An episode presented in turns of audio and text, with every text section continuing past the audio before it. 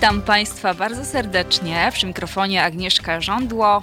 Piątkowy wieczór, 7 lutego, e, godzina 17.01, a ze mną w studiu Michał Sutowski, redaktor krytyki politycznej.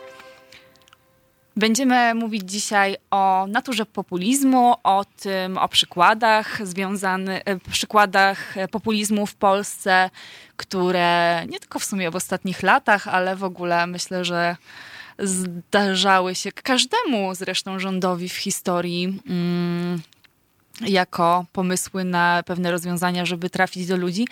E, będziemy odnosić się, myślę, że często, bo tak zainspirowała mnie do tej audycji książka Co to jest populizm Jana Wernera Millera, do której pan e, redaktor Michał Sutowski napisał e, wstęp. Tak?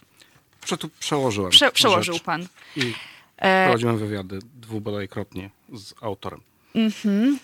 I co mnie bardzo zaciekawiło, bo ja zawsze miałam takie wyobrażenie o populizmie, że jest to odwoływanie się do uczuć e, narodu, znaczy do uczuć, właściwie do takich potrzeb narodu, do tego, co naród chce, e, co chciałby dostać i spełnianie tych oczekiwań. Tymczasem autor trochę inaczej przedstawia te definicje. To nie jest tylko to. No tak, bo spełnianie oczekiwań społeczeństwa to się nazywa demokracja. Tak. E, to znaczy tak, e, to, to pojęcie, z którym populizm często się kojarzy, to znaczy, że to jest właśnie proponowanie atrakcyjnych, efektownych rozwiązań, często takich bardzo prostych dla bardzo trudnych problemów, to jest demagogia. Tak? To znaczy, czyli, czyli e, prowadzenie polityki, no właśnie przy pomocy e, retoryki i, i, i zaspokajanie też często jakichś takich prostych, emocjonalnych potrzeb. Ale to tutaj to, to pojęcie demagogii jest najbardziej chyba adekwatne. Natomiast populizm, taki o jakim pisze e, Jan Werner Müller, ale też inni autorzy, Kasmude na przykład, e, holenderski, jeśli dobrze pamiętam, historyk, to jest raczej pewien sposób myślenia o polityce i sposób opowiadania wspólnoty politycznej i, i sfery publicznej. Znaczy to jest takie, to jest taki pomysł na politykę, w którym istnieje jeden fundamentalny i zasadniczy podział. To jest podział na lud i elitę. I teraz znowu, Jan Werner Müller wskazuje, że sam fakt, że się krytykuje elitę, to jeszcze nie jest populizm. Abstrahując od faktu, że często ta elita zasługuje na ową krytykę. E, bardzo dobrze to kiedyś e, opisał, e, czy sformułował inny politolog, zresztą kolegujący się z autorem tej książki, czyli Iwan Krastew. Mianowicie on powiedział, że jak ktoś mówi, tak jak na przykład ruch Occupy Wall Street, we are the 99%, to my jesteśmy 99% w odróżnieniu od tego 1%, czyli tej elity, to jeszcze nie jest populizm. Populizm to jest powiedzieć, my jesteśmy 100%. To znaczy, krótko mówiąc, że elity nie należą do wspólnoty narodowej, to znaczy są z niej wykluczone, jest pewna, jest pewna wspólnota, możemy ją nazwać narodem najczęściej, bo bo tutaj y, populiści bardzo rzadko dziś się odwołują wprost do klasowych Y, pojęć takich tradycyjnych, lewicowych, raczej mówią o wspólnocie narodowej mhm. jako całości. Ta wspólnota jest pewnym monolitem, to znaczy ona się nie dzieli na różne grupy interesu, nie specjalnie może być różnorodna. To jest jakaś taka jedna wielka całość. Y, ona wyraża pewną wolę i znowu ta wola jest w zasadzie jednolita. Znaczy nie ma tak, że są tam różne interesy, różne pomysły, różne wizje. Y, ta wspólnota jest w rozumieniu populistów moralna, znaczy dobra w odróżnieniu od złych, skorumpowanych elit. I co jest najważniejsze i kluczowe dla polityki populistycznej, to populista to jest ten, y, który mówi, że ja was reprezentuję i tylko ja was reprezentuję. Prawda? Znaczy na tym polega polityka populistyczna. Znaczy mówimy, istnieje naród, my mówimy, jak on wygląda, z kogo się składa, jaki jest, on jest dobry y, i my na przekór czy w kontrze do y, złych, skorumpowanych, wyalienowanych y, elit, które nie chcą mieć z tym narodem nic wspólnego, będziemy reprezentować jego prawdziwe interesy i prawdziwą wolę. I to pozwala, to jest bardzo ciekawy taki manewr czy zabieg, pozwala głosić te same poglądy, nawet jak się już dojdzie do władzy. Znaczy, krótko mówiąc, można być populistą nie tylko w opozycji, bo to jeszcze byłoby w miarę logiczne. No my jesteśmy w opozycji, jest jakiś rząd, to jest elita, ona rządzi, ale nawet jak się przejmie władzę, to dalej można głosić, że się jest reprezentantem prawdziwego ludu, a elita, która jest teraz w opozycji, prawda, cały czas jest tą złą, skorumpowaną, wyalienowaną elitą, bo nie chodzi o to, ile kto ma pieniędzy. E, przynależność do elity nie definiuje się przez to, czy się jest na przykład zamożnym, prawda, tylko definiuje się przede wszystkim przez stosunek do wartości. Te wartości po stronie elity oczywiście są złe i wrogie wartościom narodu. To, to tak jest, w największym skrócie. Tak, to jest wielka przewrotność e, sposobu myślenia e, właśnie ludzi, którzy próbują, re, którzy uważają, że reprezentują naród, te tę jedyną dopuszczalną wspólnotę, którą, która funkcjonuje w ich mniemaniu. I właśnie, bo, bo inaczej to by było tak, że w momencie, gdy gdy populiści dojdą do władzy, nie mogą być już populistami. A dzięki takiemu rozumieniu e, nadal tak, no bo, mogą no bo być. To były takie dwie fantazje, to znaczy, y, które były powszechne w moim przekonaniu wśród wszystkich środowiskach liberalnych jeszcze kilka, kilkanaście lat temu. Te dwie fantazje polegały na tym, że z jednej strony populiści, no to są właśnie ci, co oferują te proste czy prostackie rozwiązania, no i tutaj była taka opowieść, że no okej, okay, jak się jest w opozycji, to sobie można takie rzeczy opowiadać, no ale jak się dojdzie do władzy, no to wtedy trzeba będzie te wszystkie obietnice zrealizować. Oczywiście ten rząd ich nie będzie w stanie populistycznie zrealizować, w związku z czym się skompromituje i szybko utraci władzę. Ludzie zrozumieją, że to wszystko był humbug. To była jedna opowieść. A druga ona właśnie dotyczyła y, elity, no bo ktoś mówił, no zaraz, no ale jak populiści zdobędą władzę, no to przecież sami będą elitą, prawda? Więc znowu cała opowieść się wywróci, bo przecież chodziło o to, żeby reprezentować zwykłego, prostego człowieka w opozycji do tych tam na górze. No, tylko że okazało się, y, że to ta opozycja lud-elita to nie jest lud i elita w sensie empirycznym, że badamy na przykład, nie wiem, kto ma jakie zarobki, prawda? I że elita to są ci, co zarabiają nieproporcjonalnie dużo, a lud to ci, co zarabiają średnio. Nie. Y, lud to ci, którzy wyznają określone wartości, które ten populista im y, y, przypisuje, no a elita to ta, która reprezentuje antywartości. I dlatego Donald Trump, który jest miliarderem, może dalej uważać się za reprezentanta, czy prezentować się jako reprezentant ludu wobec wyalienowanych elit z Waszyngtonu. No dlatego, że on po pierwsze tych z Waszyngtonu nienawidzi, czyli podziela wartości części amerykańskiego ludu. No, na poziomie estetycznym jest też raczej, umówmy się, plebejski, a przynajmniej, no w jego wypadku to jest jakoś nawet autentyczne prawdopodobnie. No prawda, je hamburgery, a nie sushi. No cały ten zestaw y, stereotypów, które mamy, jak próbujemy przeciwstawić plebs elicie. No to on jest po stronie ple. On mówi, ja, ja, jestem, ja, jestem, ja jestem taki jak wy, mimo że jestem miliarderem, no ale y, właśnie podzielam wasze wartości. Na przykład w przypadku Trumpa to jest bardzo wyraźne y, ta niechęć do tak zwanej poprawności politycznej, czyli jak poobrażam wszystkich po kolei mniejszości y, seksualne, rasowe, kobiety, czyli odwołuje się do takiego stereotypowo właśnie plebejskiego języka, takiego, gdzie się właśnie nie zważa na te konwenanse, kiedy się nie zważa na reguły, które jakieś tam salony czy establishment wyznacza, no to wtedy znowu jest się z ludem. Mimo, że znowu patrząc y, na rzecz ekonomicznej, no to Trump oczywiście należy do tego górnego 1%, a nawet wyżej. Panie redaktorze, ale myślę, że nie trzeba sięgać aż tak daleko za ocean, żeby znaleźć, y, czy żeby odnaleźć definicję populizmu na, na, tutaj na naszym krajowym podwórku. PiS świetnie się wpisuje w właśnie w taki podział społeczeństwa na my oni. To prawda, choć i... robi to oczywiście troszeczkę inaczej niż Trump, no bo Jarosław Kaczyński jest inteligentem, tak? Czy z rodziny postziemiańskiej y, z Żoliborza. Zresztą jak się dobrze przeczyta jego autobiografię, y, tą książkę taką się nazywa Porozumienie przeciw monowładzy, zdaje się, no to, to widać, że to jest inteligent, tak? I jak nikły jest jego realny kontakt z ludem. On tam, to, to czasem wychodzi, ta książka jest na swój sposób autentyczna, ja w ogóle bardzo polecam lekturę książki Jarosława Kaczyńskiego, mówię to całkowicie nieironicznie, ponieważ to jest książka, z której na przykład y, dowiemy się, Y, jak bardzo Jarosława Kaczyńskiego mierzą, czy rozmaite, czy brzydzą wręcz rozmaite zachowania stereotypowo przypisywane, czy to ludowi, czy plebsowi, czy proletariatowi, na przykład nie wiem, wulgarny język, prawda? Tam rzeczywiście to, to obrzydzenie się niemalże wylewa y, z kart, y, z kart tej książki czy do ludzi niewykształconych, do ludzi prostych, prawda? To, to, to, to, to bardzo wyraźnie widać, a jednak udaje mu się właśnie znowu zaprezentować siebie jako przedstawiciela ludu przeciw tym warszawskim elitom, mimo że podkreślmy, przez ostatnich 30, a nawet więcej lat Jarosław Kaczyński był oczywiście częścią elity politycznej III Rzeczpospolitej, jego brat był szefem kancelarii Lecha Wałęsy, urzędującego prezydenta i tak dalej, i tak dalej, prawda?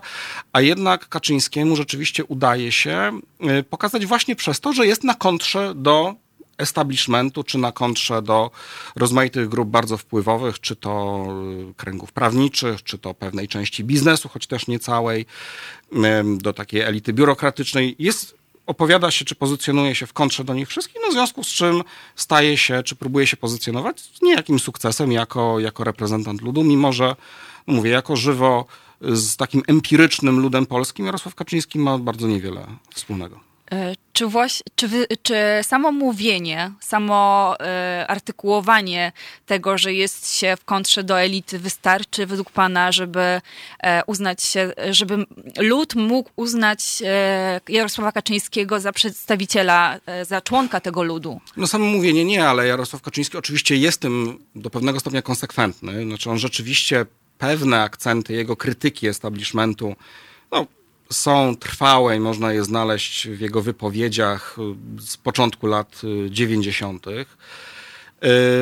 no i też odwoływanie się jednak do pewnych y, sposobów myślenia, pewnych stereotypów czy światopoglądu, który jednak jakoś możemy kojarzyć z warstwami mniej wykształconymi, tak to sobie powiedzmy. No, dobrym bardzo przykładem, może warto to przypomnieć, tego na czym tak naprawdę bracia Kaczyńscy wystartowali nie do wielkiej polityki, bo to są jeszcze czasy solidarnościowe, czasy lata, lata 80., ale do tej wielkiej polityki z prawem i sprawiedliwością, kiedy wystartowali, no to, były, to był koniec lat 90., początek lat 2000 i taka narracja tak zwanego law and order, prawa i porządku, prawda? Czyli takie przekonanie, że trzeba twardo walczyć z przestępczością przy pomocy surowego prawa karnego, prawda? Przy pomocy dłuższych wyroków, bardziej surowej y, policji, wymiaru sprawiedliwości, który nie może się kierować tutaj jakimiś liberalnymi sentymentami. Da? I tutaj znowu to było na kontrze bardzo wyraźnej do liberalnego establishmentu prawnego w Polsce. I to trzeba powiedzieć, rzeczywiście zyskało spore, spore uznanie realne y, wśród różnych warstw społecznych y, przede wszystkim takiej warstwy, powiedziałbym, drobnomieszczańskiej. Pamiętajmy to, że lata 90., kiedy oni z tym, z tym przekazem wyszli, no to były czasy jednak no może szalejącej przestępczości to może przesada, ale jednak no, dużo, dużo bardziej niebezpiecznych ulic niż dzisiaj, jednak gangów, prawda, czy, czy wręcz mafii y, funkcjonujących dość swobodnie, z którymi państwo wyraźnie nie mogło sobie poradzić. No i taki odruch rzeczywiście populistyczny brzmiał, trzeba to wziąć kolokwialnie mówiąc za mordę. I teraz, jeśli prześledzimy, kto naprawdę doprowadził do ograniczenia przestępczości pod koniec lat 90., na początku lat 2000, to byłby to raczej Marek Biernacki, dzisiaj yy, raczej kojarzony nie z opcją pisowską, tylko wręcz, yy, wręcz przeciwnie, czyli ówczesny minister spraw yy, wewnętrznych. No ale jakoś tak wyszło, że udało się Lecha Kaczyńskiego ministra sprawiedliwości w rządzie AWS przedstawić jako tego twardego szeryfa. Tak? Także to nie jest tak tylko, że Jarosław Kaczyński, no, ponieważ nie lubi liberalnych elit, prawda, i krytykuje europejski establishment, no to tylko dlatego udało mu się zdobyć powodzenie. On jednak był przez wiele lat bardzo konsekwentny i dodajmy jeszcze jedną ważną rzecz. Otóż po wyborach 2005 roku, kiedy Prawo i Sprawiedliwość przejęło władzę, no, w koalicji, jak pamiętamy, z Samoobroną i Ligą Polskich Rodzin, tam nastąpił taki bardzo ciekawy proces polityczny, w którym Jarosław Kaczyński, no, kolokwialnie mówiąc, wykończył obydwie partie. E, nieco ładniej mówiono, że pożarł przystawki, prawda? czyli zlikwidował te dwie partie i przejął ich elektoraty.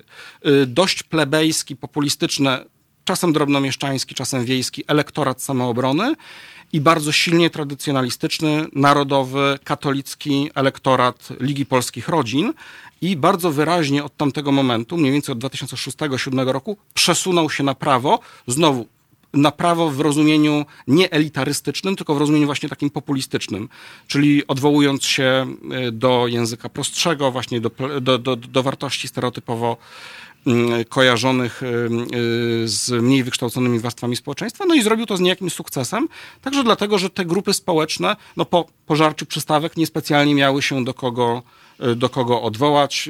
Doktryna, że na prawo od nas tylko ściana, Y, została zrealizowana z dużym sukcesem właściwie do roku 2019, kiedy do parlamentu weszła Konfederacja, czyli praktycznie przez kilkanaście lat, można powiedzieć, Prawo i Sprawiedliwość zagospodarowywało całą tą, y, tą część sceny politycznej, w której kiedyś pewne wpływy miała właśnie samoobrona, czyli właściwie pierwsza poważna partia, o której mówiono, że jest partią populistyczną.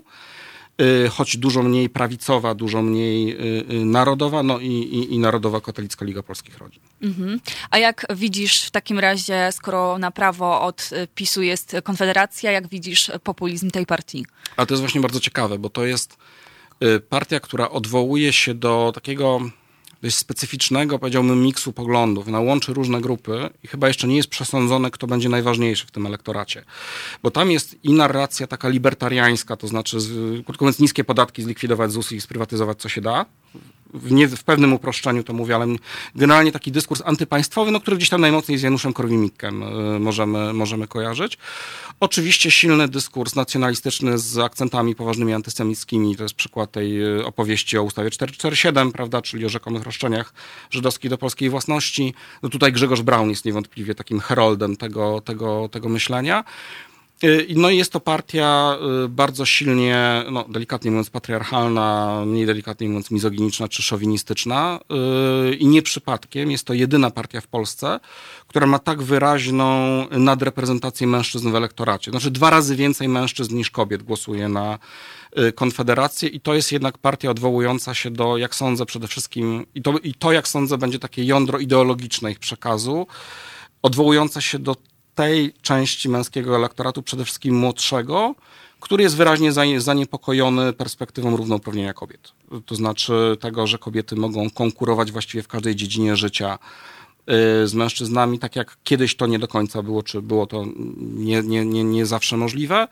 Y, no i odwołanie do zupełnie innego modelu rodziny, czyli równościowego, y, partnerskiego, takiego, w którym no, obie strony decydują jakby o tym, w jaki sposób wygląda ich wspólne życie. No już nie mówiąc oczywiście o, o tych akcentach homofobicznych, które też będą bardzo ważne i one będą moim zdaniem dużo wyraźniejsze i są już dość wyra dużo wyraźniejsze właśnie w tej partii niż nawet w Prawie i Sprawiedliwości. Prawo i Sprawiedliwość oczywiście również używa tego języka, to widać bardzo wyraźnie w przekazie czy to telewizji publicznej, e, czy mediów sprzyjających Prawu i Sprawiedliwości, ale tutaj wyraźnie widać, że o ten elektorat i o ten język, dla którego, znaczy o ten elektorat, dla którego ten język jest ważny, tutaj Prawo i Sprawiedliwość bardzo silnie będzie z Konfederacją konkurowało, także dlatego, że niespecjalnie może konkurować w kwestiach żydowskich, bo jak wiemy, Prawo i Sprawiedliwość stara się za wszelką cenę zachować dobre relacje ze Stanami Zjednoczonymi i z Izraelem, no, co powoduje, że odwoływanie się do pewnych typów dyskursu antysemickiego,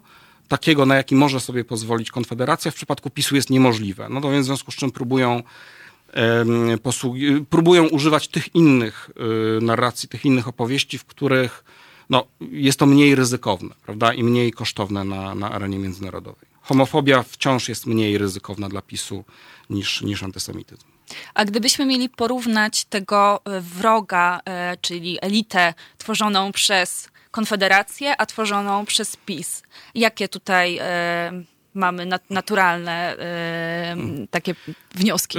Znaczy, różnica by polegała chyba na tym, że w przypadku Prawa i Sprawiedliwości jednak te elity są definiowane troszeczkę taki bardziej anachroniczny sposób. No nie ukrywajmy, no też elita Prawa i Sprawiedliwości na czele z, pra- z Jarosławem Kaczyńskim jest bardzo mocno zanurzona biograficznie jeszcze w latach 80. i 90. To znaczy tam do dzisiaj znajdziemy echa starych sporów wokół Lecha Wałęsy, wojny na górze, rozmaite resentymenty właśnie. To też jest bardzo mocno wzmagane, to się wzmaga za sprawą y, komentatorów i dziennikarzy, którzy wspierają Prawo i Sprawiedliwość i dla których również te dawne spory właśnie z lat 90., wojny z Gazetą Wyborczą, z Adamem Michnikiem, prawda, to wszystko jest gdzieś ten kluczowy, kluczowy obszar, kluczowy temat. Natomiast myślę, że y, Konfederacja w mniejszym stopniu jednak y, odwołuje się do właśnie do, tych, do tego starego establishmentu trzeciej RP, dlatego że duża część ich elektoratu, to jest dużo młodszy elektorat, to jest też bardzo ważne, y, poparcie dla Konfederacji spada z wiekiem i to spada radykalnie. Znaczy 18-30 18, to poparcie jest re, re, relatywnie duże, zwłaszcza w tej części. Y, a, spada, nie, spada, spada z wiekiem. Spada Im ktoś tak, starszy, tak. tym to poparcie jest mniejsze. Mhm, Jeśli ktoś ma prawicowe poglądy, to przechodzi na stronę tak, PiS. Przeważnie na Konfederację na... głosuje młody mężczyzna. Tak. A jeśli, jeśli ktoś ma prawicowe poglądy i jest nieco starszy, to raczej głosuje na Prawo i Sprawiedliwość albo na, na Pawła Kukiza i, i, i, i PSL. No i też dla tego elektoratu, no umówmy się, Gazeta Wyborcza jest już jak średnio istotnym punktem odniesienia, bo po prostu jej nie czytali, tak? No bo jak Gazeta Wyborcza była u szczytu swojej potęgi, to byli w szkole podstawowej albo i nie, prawda? Bo mamy rok, przypomnijmy, 2019. Także wydaje mi się, że tutaj jest kluczowa różnica w tym, jak się definiuje wroga i definiuje tą elitę, jest różnica pokoleniowa. To znaczy, Prawo i Sprawiedliwość definiuje wroga tak, jak go widzą ludzie 40 plus, 50 plus o prawicowych poglądach, sceptyczni wobec trzeciej RP. Y, Konfederacja raczej odwołuje się do, do, czy do różnych stereotypów, czy do wizerunków wroga, które jednak są jakoś bliższe postrzeganiu kogoś, kto się wychował już w całości, w całości na internecie. Y, I naprawdę nie pamiętam, kto to, kto to jest Adam Michnik bo to jest taki jeden z tych demonów, z tych demonicznych czy ikon trzeciej, trzeciej Rzeczpospolitej. No dla tych młodych ludzi z Marszu Niepodległości myślę, że to nie jest już ważna, ważna postać, natomiast takie różne figury y, nie wiem, czy ze strony młodej lewicy, czy to ze świata feministycznego, to zresztą nie muszą być konkretne osoby, prawda, tylko raczej pewne, pewne grupy, środowiska, całe narracje, no i plus trzeba bardzo wyraźnie dodać, no w Konfederacji wątek żydowski jest bardzo silny i jest wprost wypowiadany. No mówię, ustawa 447 to jest jeden z ich y, kluczowych y, tematów. No co, to jest temat, którego Prawo i Sprawiedliwości nie chce podejmować, bo jest to temat, jak powiedziałem, ryzykowny z punktu widzenia relacji y, międzynarodowych. Tutaj premier Morawiecki wyraźnie nie chce zadrażniać stosunków z Izraelem i Stanami Zjednoczonymi. Mhm.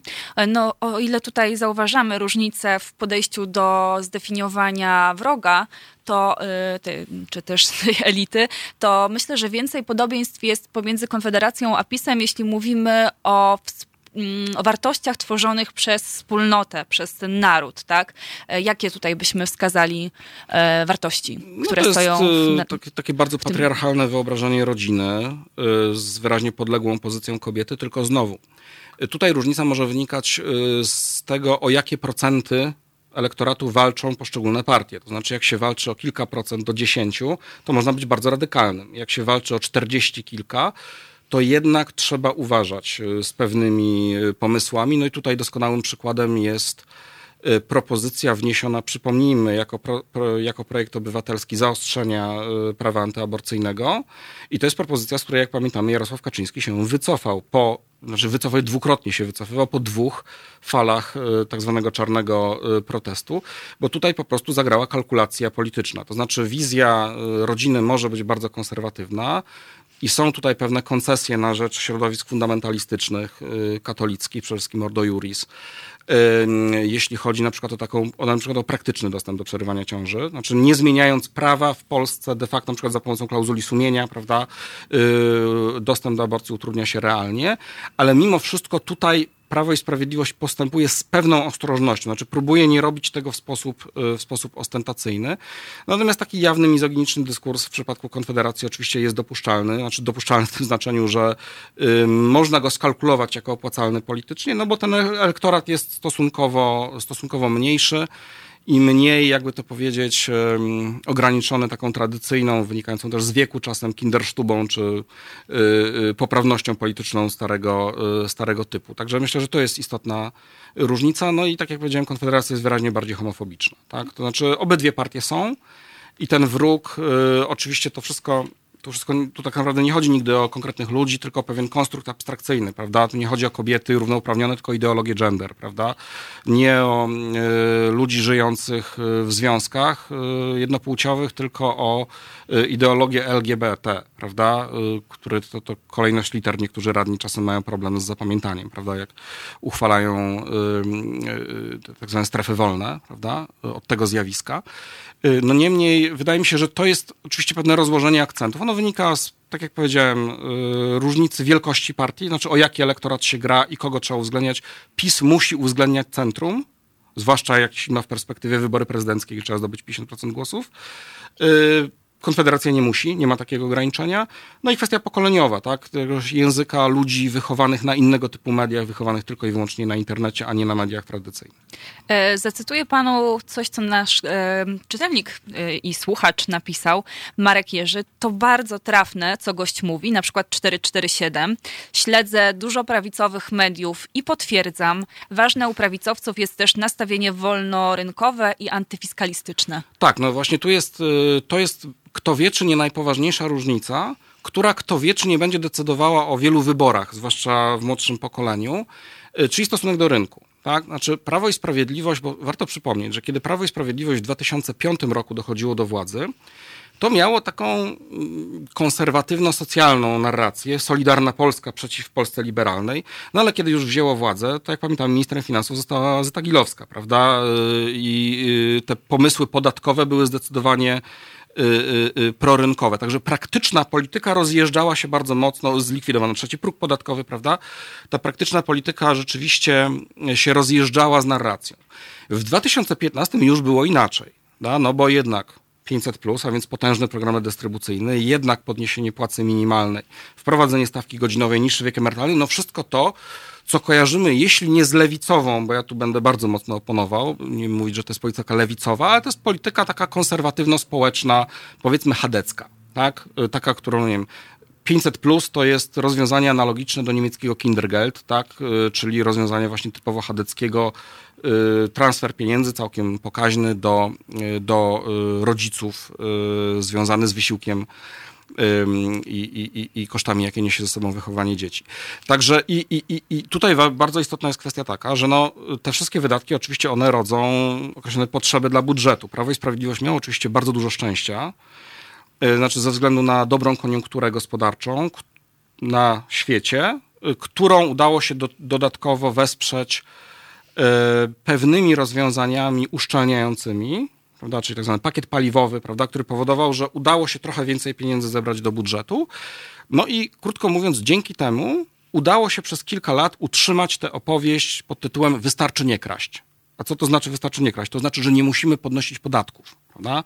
Oczywiście to ma swoją ciemną stronę. Ciemna strona jest taka, że to jest zwiększony fiskalizm, jeśli chodzi na przykład zacie, zacieśnione kontrole, prawda? czy to ZUS-u, czy to y, Urzędu Skarbowego u przedsiębiorców.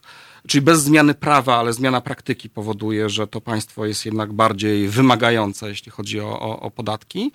No i drugi element, że to się wszystko oczywiście dzieje kosztem mrożenia płac w budżetówce. Prawda? To znaczy ten budżet się jeszcze nie wysypał, y, dlatego że y, płace rosną, wydatki państwa rosną, ale potężny sektor publiczny no, funkcjonuje na granicy właściwie płacy minimalnej. Prawda? Tutaj już od dawna słyszymy te zestawienia, y, ile zarabia teraz nauczyciel, nauczycielka, a ile zarabia woźny czy woźna y, w szkole, w tej samej szkole, w której, w której, w której pracują. No i, i tak, to jest y, oczywiście ten, ten model dochodzi do pewnej ściany, znaczy krótko mówiąc, Prawo i Sprawiedliwość będzie musiało poszukać jakichś środków, zwłaszcza, że mamy kolejne 13, 14 emeryturę, różne pomysły tego rodzaju. Był oczywiście pomysł przedwyborczy, czyli y, likwidacja PIT-u dla osób poniżej 26 roku życia, no ale znowu, to wszystko można utrzymać tylko na krótką metę, albo gdyby no, udało się wytworzyć jakiś fantastyczny impuls rozwojowy dla gospodarki, prawda? Gdyby nagle się okazało, że inwestycje poszybowały w górę, no to wtedy być może przy takich samych podatkach, przy takim samym poziomie stawek podatkowych udałoby się te wydatki sfinansować, no ale jak wiemy, y, inwestycje nie szybują, a wręcz przeciwnie, prawda? Także Prawo i Sprawiedliwość na dłuższą metę będzie musiało dokonać, wykonać jakieś manewry fiskalne na niekorzyść wyborców i to prawdopodobnie będzie dobre paliwo polityczne dla y, Konfederacji, a przynajmniej dla, tak, dla jakiejś formacji politycznej, która wyraźnie powie, że stoi po stronie Polaków ciemiężonych przez fiskusa.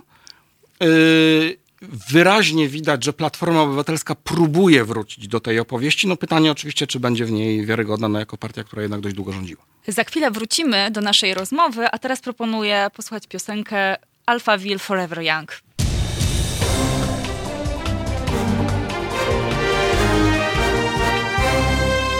Halo Radio. Wracamy, tak jak zapowiadałam. W studiu gość Michał Sutowski, redaktor krytyki politycznej e, oraz tłumacz książki Co to jest populizm Jana Wernera Millera. E, I rozmawiamy o tematyce książki, jaką jest populizm, e, przemierzając zarówno nasze polskie podwórko, trochę e, wchodząc, e, znaczy przemieszczając się za ocean, i ponownie wracając do polskiej e, polityki. E, zachęcam Państwa do kontaktu z, naszą, z naszym studiem e, telefonicznego pod numerem telefonu 22 39 059 22 do pisania na naszym czacie i mam nadzieję, że ktoś z Państwa zdecyduje się zadzwonić i nam powiedzieć, bo czat jest bardzo żywy, więc myślę, że na ten temat mają Państwo dużo do powiedzenia. E, zachęcam serdecznie do kontaktu. E, zachęcam też do e, jeśli ktoś z Państwa na przykład teraz nie może oglądać, słuchać nas, to są podcasty na stronie internetowej Haloradia, jest lista miejsc, w których e, zamieszczane są podcasty z dzisiejszej audycji, jak i z innych audycji, także można sobie później odsłuchać. E, wracając do naszego tematu, Panie Michale, e, mówiliśmy, chciała, chciałabym tutaj odnieść się do tego, jaką jaki rodzaj populizmu uprawia PiS? Jak, jaki to jest charakter? Czy właśnie lewicowy, czy mm. prawicowy? Znaczy, Jak to możemy określić? Znaczy na pewno nie lewicowy, znaczy, dlatego że to, to, jest, taka, jest taka opowieść, ona jest popularna wśród części krytyków zresztą PiSu, tak, którzy mówią, że się mówią, że w Polsce tylko lewica bezbożna i lewica pobożna. Tak, I PiS to jest ta lewica pobożna. Prawda? Dlaczego lewica? No, dlatego, że jest, opowiada się za silnym, rozbudowanym państwem i rozdaje 500+. Plus pewnym uproszczeniu, ale tak mniej więcej ta linia krytyki idzie. No tylko, że fakt, że y, państwo przeznacza jakieś środki na, y, no właśnie na redystrybucję, oczywiście z góry na dół, bo tak, tak rzeczywiście w przypadku 500 plus się zadziało, to znaczy, że osoby mniej zamożne skorzystały mm, relatywnie więcej, no to jeszcze jakby nie przesądza lewicowości, bo to są programy, programy rodzi polityki rodzinnej tego rodzaju, znaczy polegające na transferze bezpośrednim dla, dla rodziców, to są programy chadeckie właśnie, tak, no znane chociażby z Niemiec. A one, są, one obowiązują również w krajach socjaldemokratycznych, takich jak Szwecja, Mówię socjaldemokratyczny nie w znaczeniu, że akurat rządzi partia socjaldemokratyczna, tylko że jest to pewien model społeczny. Tam w polityce społecznej mam taki podział na ten modele liberalne, socjaldemokratyczne i, i, i konserwatywne. I to są, i w przypadku modelu socjaldemokratycznego, który gdzieś tam jest chyba tej lewicy najbliżej, tym, co decyduje o, y, o jakości państwa, są usługi publiczne. Znaczy nie wielkość transferów. One mogą być, jeśli kraj na to stać, tak jest w przypadku Szwecji na przykład, ale, czy Danii, ale najważniejsze jest jakość powszechnie dostępnych usług publicznych, przede wszystkim służby zdrowia oraz oświaty. Tak? Plus również możliwości, są inne możliwości. Jest kwestia, na ile na przykład sprywatyzowana, na ile nie jest system emerytalny, prawda? To też jest istotne. Tutaj lewica zdecydowanie opiera się na, czy opowiada się za bardziej e, solidarystycznym e, e, i raczej powszechnym państwowym systemem, mniej za emeryturami kapitałowymi, ale klucze, kluczowe są te dwie, te, te dwie sfery, czyli ochrona zdrowia i oświata. No to powiedziałbym tak, jeśli chodzi o oświatę, to lewicowa to jest Finlandia, czyli kraj, który zapewnia oświatę na bardzo wysokim poziomie, powszechnie i ze środków publicznych. No jeśli ochronę y, zdrowia, no to jest wiele krajów, gdzie, gdzie ten poziom powszechnego takiego zabezpieczenia dla wszystkich jest nieporównanie wyższy niż polski i to niekoniecznie się musi wiązać z wysokością PKB, prawda? Bo mamy, możemy mieć kraje, które są podobnie bogate, a mają różny poziom solidarności i powszechności dostępu, jeśli chodzi o służbę zdrowia. Najlepszy przykład to zestawienie choćby Stanów Zjednoczonych i Niemiec, prawda? Znaczy, gdzie w przypadku Niemiec ten y, poziom solidaryzmu jest dużo, dużo, y, dużo wyższy. Y, no, w Polsce, jako żywo, obydwie sfery, tak jak je widzi Prawo i Sprawiedliwość i tak jak je finansuje, no, absolutnie nie spełniają standardów czy wymogów, których oczekiwałaby lewica. Znaczy, mamy do czynienia z taką wręcz paradoksalną sytuacją, że program y, Rodzina 500, który wspomógł budżety domowe bardzo wielu rodzin, jednocześnie prowadzi do takiego efektu, który Łukasz Pawłowski, Tomasz Sawczuk z Kultury Liberalnej nazywali, nazwali drugą falą prywatyzacji. O co chodzi? No, chodzi o to, że choć teoretycznie e, Prawo i Sprawiedliwość jest bardzo etatystyczne. Znaczy mówi o tym, że ważne jest silne państwo, prawda, że nie należy prywatyzować y, usług zdrowotnych. Nawet pamiętam kilka lat temu zdarzyły się procesy w trybie wyborczym o, o to, że y, kiedy partie wzajemnie się oskarżały o chęć sprywatyzowania służby zdrowia. No więc Prawo i Sprawiedliwość mówi o tym, że jest za wzmocnieniem sektora publicznego w ochronie zdrowia, no ale jednocześnie niedofinansowanie tego sektora, y, niskie płace personelu, przede wszystkim y, pielęgniarek i lekarzy rezydentów, w trochę mniejszym stopniu lekarzy specjalistów, ci zarabiają stosunkowo dobrze w Polsce, ale rezydenci już niekoniecznie, a pielęgniarki zarabiają tragicznie. Y, niedofinansowanie infrastruktury i przede wszystkim usług powoduje, że bardzo wiele osób stara się wyjść, jeśli tylko może, wyjść do sektora prywatnego. Czyli na przykład stara się korzystać z usług prywatnych specjalistów zamiast y, na NFZ. Y, a dzięki temu, że jest 500, dużo więcej osób na to stać, no bo jeśli ktoś dostaje te 500 zł, to w Warszawie to są dwie wizyty, w mniejszym mieście to nawet trzy, może i nawet cztery wizyty u prywatnego specjalisty, prawda? To już jest całkiem dużo. I teraz chodzi o to, że z jednej strony mamy niedofinansowaną służbę zdrowia ze środków publicznych, której jakość się pogarsza, więc jest większe parcie na to, żeby wychodzić z tego systemu. No i z drugiej strony ludzie dostają możliwość jakby realizowania części przynajmniej tych usług w sektorze prywatnym. W szkole jest to samo. Znaczy to się objawia poprzez y, niedofinansowanie skutkuje brakiem nauczycieli, wakatami, prawda, czy zwiększeniem liczby uczniów w klasie, gorszą jakością nauczania, no i na czym polega wyjście do sektora prywatnego? No, na poziomie takim najbardziej podstawowym to są korepetycje oczywiście, yy, finansowane z prywatnej kieszeni. Czyli kiedy uzupełnia się wiedzę, którą dziecko powinno otrzymać w szkole, yy, no, dzięki prywatnym wydatkom dodatkowym rodziców. No a poziom już taki, który nie jest, jest dostępny dużo mniejszej grupie, to, to, to, to są oczywiście szkoły prywatne. Prawda? I znowu mamy sytuację, w której pogorszenie jakości usług publicznych połączeniu z transferem finansowym do rodzin powoduje, że coraz więcej osób wychodzi z sektora publicznego do sektora prywatnego. No i to jest pewne błędne koło, tak? No bo jeśli mniej osób będzie korzystać, zwłaszcza tych mniej zamożnych z sektora publicznego, to będzie mniejsza, mniej efektywna presja polityczna na to, żeby jakość tych usług, czy to w ochronie zdrowia, czy to w oświacie poprawić. Zastanawiam się nad jedną rzeczą, bo właściwie każda partia prezentuje, e, prawie każda, prezentuje jakieś rozwiązania populistyczne.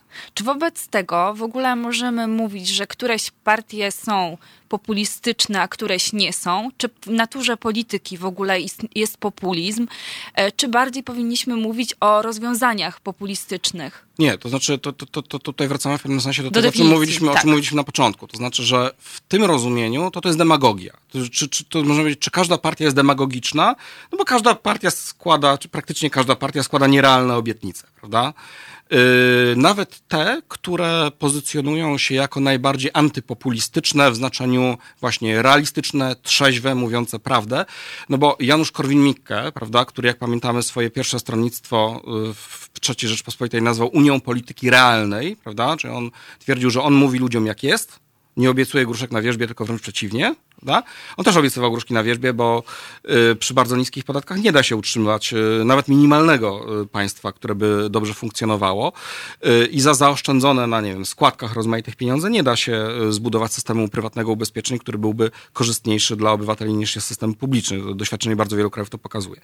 Więc w tym sensie każda partia jest jakoś demagogiczna, to znaczy obiecuje rzeczy, których spełnić nie może, albo których spełnienie jest bardzo trudne, albo których spełnienie wymagałoby no, na przykład podwyższenia podatków, prawda? Bo y, ja mogę sobie wyobrazić przyzwoitą szkołę publiczną na kto wie, czy nie, poziomie Finlandii, no tylko nie za takie pieniądze jak dziś, prawda? Czy możemy mieć y, lepszą służbę zdrowia publiczną? No możemy, ale nie za 7% składki zdrowotnej, prawda? To znaczy na NFZ. Y, I tutaj jest oczywiście bardzo duży problem. Ja rozumiem, dlaczego partie o tym nie mówią, no bo jak y, jakaś partia powie w wyborach, że podniesie podatki, to zazwyczaj źle na tym, znaczy jak mówi o tym w kampanii wyborczej, to zazwyczaj źle na tym wychodzi, prawda? Pamiętamy bardzo złe doświadczenia z mówieniem prawdy o stanie finansów publicznych, y, y, kiedy to Marek Belka, wtedy jeszcze polityk związany z Sojuszem Lewicy Demokratycznej, tuż przed wyborami w 2001 roku powiedział, że z tak zwanej dziury Bałca, czyli dziury budżetowej, którą zostawił nam miłościwie wówczas panujący rząd AWS Unii Wolności z, yy, z Leszkiem Balcerowiczem, no, że ta dziura w finansach publicznych oznacza nie mniej, nie więcej tylko tyle, że trzeba będzie ciąć. Powiem tak, politolodzy różnie szacują, ile punktów procentowych straciło yy, sojusz, stracił Sojusz Lewicy Demokratycznej przez tę wypowiedź yy, polityka tej partii. Prawdziwą, no niemniej szkodliwą politycznie. Dlatego nie przypadkiem chyba żadna partia w ostatnich wyborach w 2019 roku nie zapowiadała podniesienia podatków. Zdaje się, że nie robiła tego nawet lewica. Proszę mi poprawić, jeśli się mylę, ale wydaje mi się, że nie. Nie wiem, może partia razem, słuchacze partia razem, partia razem owszem, proponowała podwyżkę PIT-u do 75%, co tak, okazało się podwyżką kata propozycją dla... katastrofalną, dlatego że wszyscy zrozumieli, że teraz razem będzie im zabierać 3 czwarte dochodu. To oczywiście kompletną nieprawdą, bo po pierwsze nie wszystkim, tylko najbogatszym, a po drugie to nie 3 czwarte dochodu, tylko 3 czwarte y, tej sumy, która jest od najwyższego progu, prawda? To mhm. na, na, tym polegają progi podatkowe. No niemniej wszyscy uznali, że Adrian Zandberg zechce im zabrać 3 czwarte.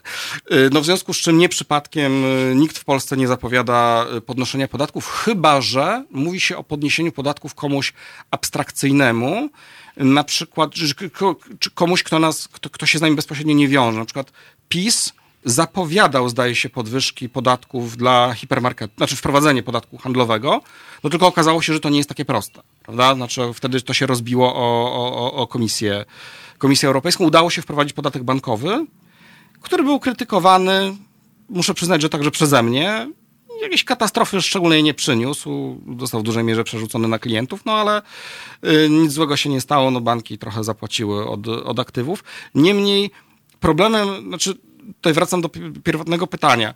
Y, każda partia jest jakoś demagogiczna, no bo tak jest zorganizowana nasza sfera publiczna. To znaczy i tak są zorganizowane media. Y, o to też pytają dziennikarze, a komu zabierzecie, prawda? A kto to wszystko sfinansuje? Ja pamiętam kiedyś taką bardzo inteligentną odpowiedź, której mi na pytanie właśnie o koszty pewnych rozwiązań udzielił e, Paweł Kowal, wtedy kandydat e, Koalicji Obywatelskiej.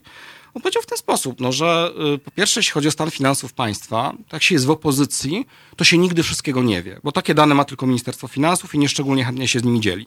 Znaczy to, jakie są na przykład prognozy tego, jakie będą wpływy podatkowe w przyszłym roku. I jednocześnie powiedział, no, że wyznacza się priorytety. Znaczy mówi się o tym, co jest naprawdę najważniejsze, i potem, y, i to można uczciwie powiedzieć obywatelom, że to będzie dla nas najważniejsze i na to na pewno znajdziemy pieniądze. W domyśle mówimy, być może gdzieś indziej trzeba będzie ściąć. Ale że to jest jakaś forma uczciwości, na którą partia polityczna może i powinna sobie pozwolić. Znaczy powiedzieć, że to będzie dla nas absolutny priorytet, na to będziemy chcieli wydać pieniądze, bo uważamy z takich, takich powodów, że to jest sprawa yy, yy, kluczowa. Tam akurat chodziło o służbę zdrowia. No natomiast oczywiście on nie udzielił mi odpowiedzi, to e, w którym segmencie e, podniesiecie podatki, prawda? Albo które podniesiecie? Czy podniesiecie podatki konsumpcyjne, czy, czy podatek od przedsiębiorstw, czy od e, czy podatek od dochodów osobistych, czy będziecie gdzieś szukać oszczędności, prawda? A może wasze, wasza polityka wywoła taki impuls wzrostowy, że podniesienie podatków nie będzie potrzebne. I coś w tej wypowiedzi było prawdziwego. To znaczy to powiedzenie, że jaki jest realny stan państwa, rzeczywiście to wie y, premier Mateusz Morawiecki i jego minister finansów i jego departament y, y, analiz, a my to się dowiadujemy no, ex post. Mhm. E, pojawiło się też na naszym czacie pytanie znów e, odnoszące się, tak sądzę, do definicji populizmu. Ale chciałabym, żeby pan się odniósł mhm. i być może sprostował, a być może potwierdził. E, Marek Jerzy pisze, populizm polega między innymi na zastraszaniu ludu i pokazywaniu się jako ktoś, kto go ochroni. No trochę tak. Coś znaczy, to są jest. Obro, tak, obrońca ludu. No, obrońca oczywiście przed tymi złymi elitami, tak? To, to, to w tym znaczeniu to, to pewnie by się zgadzało.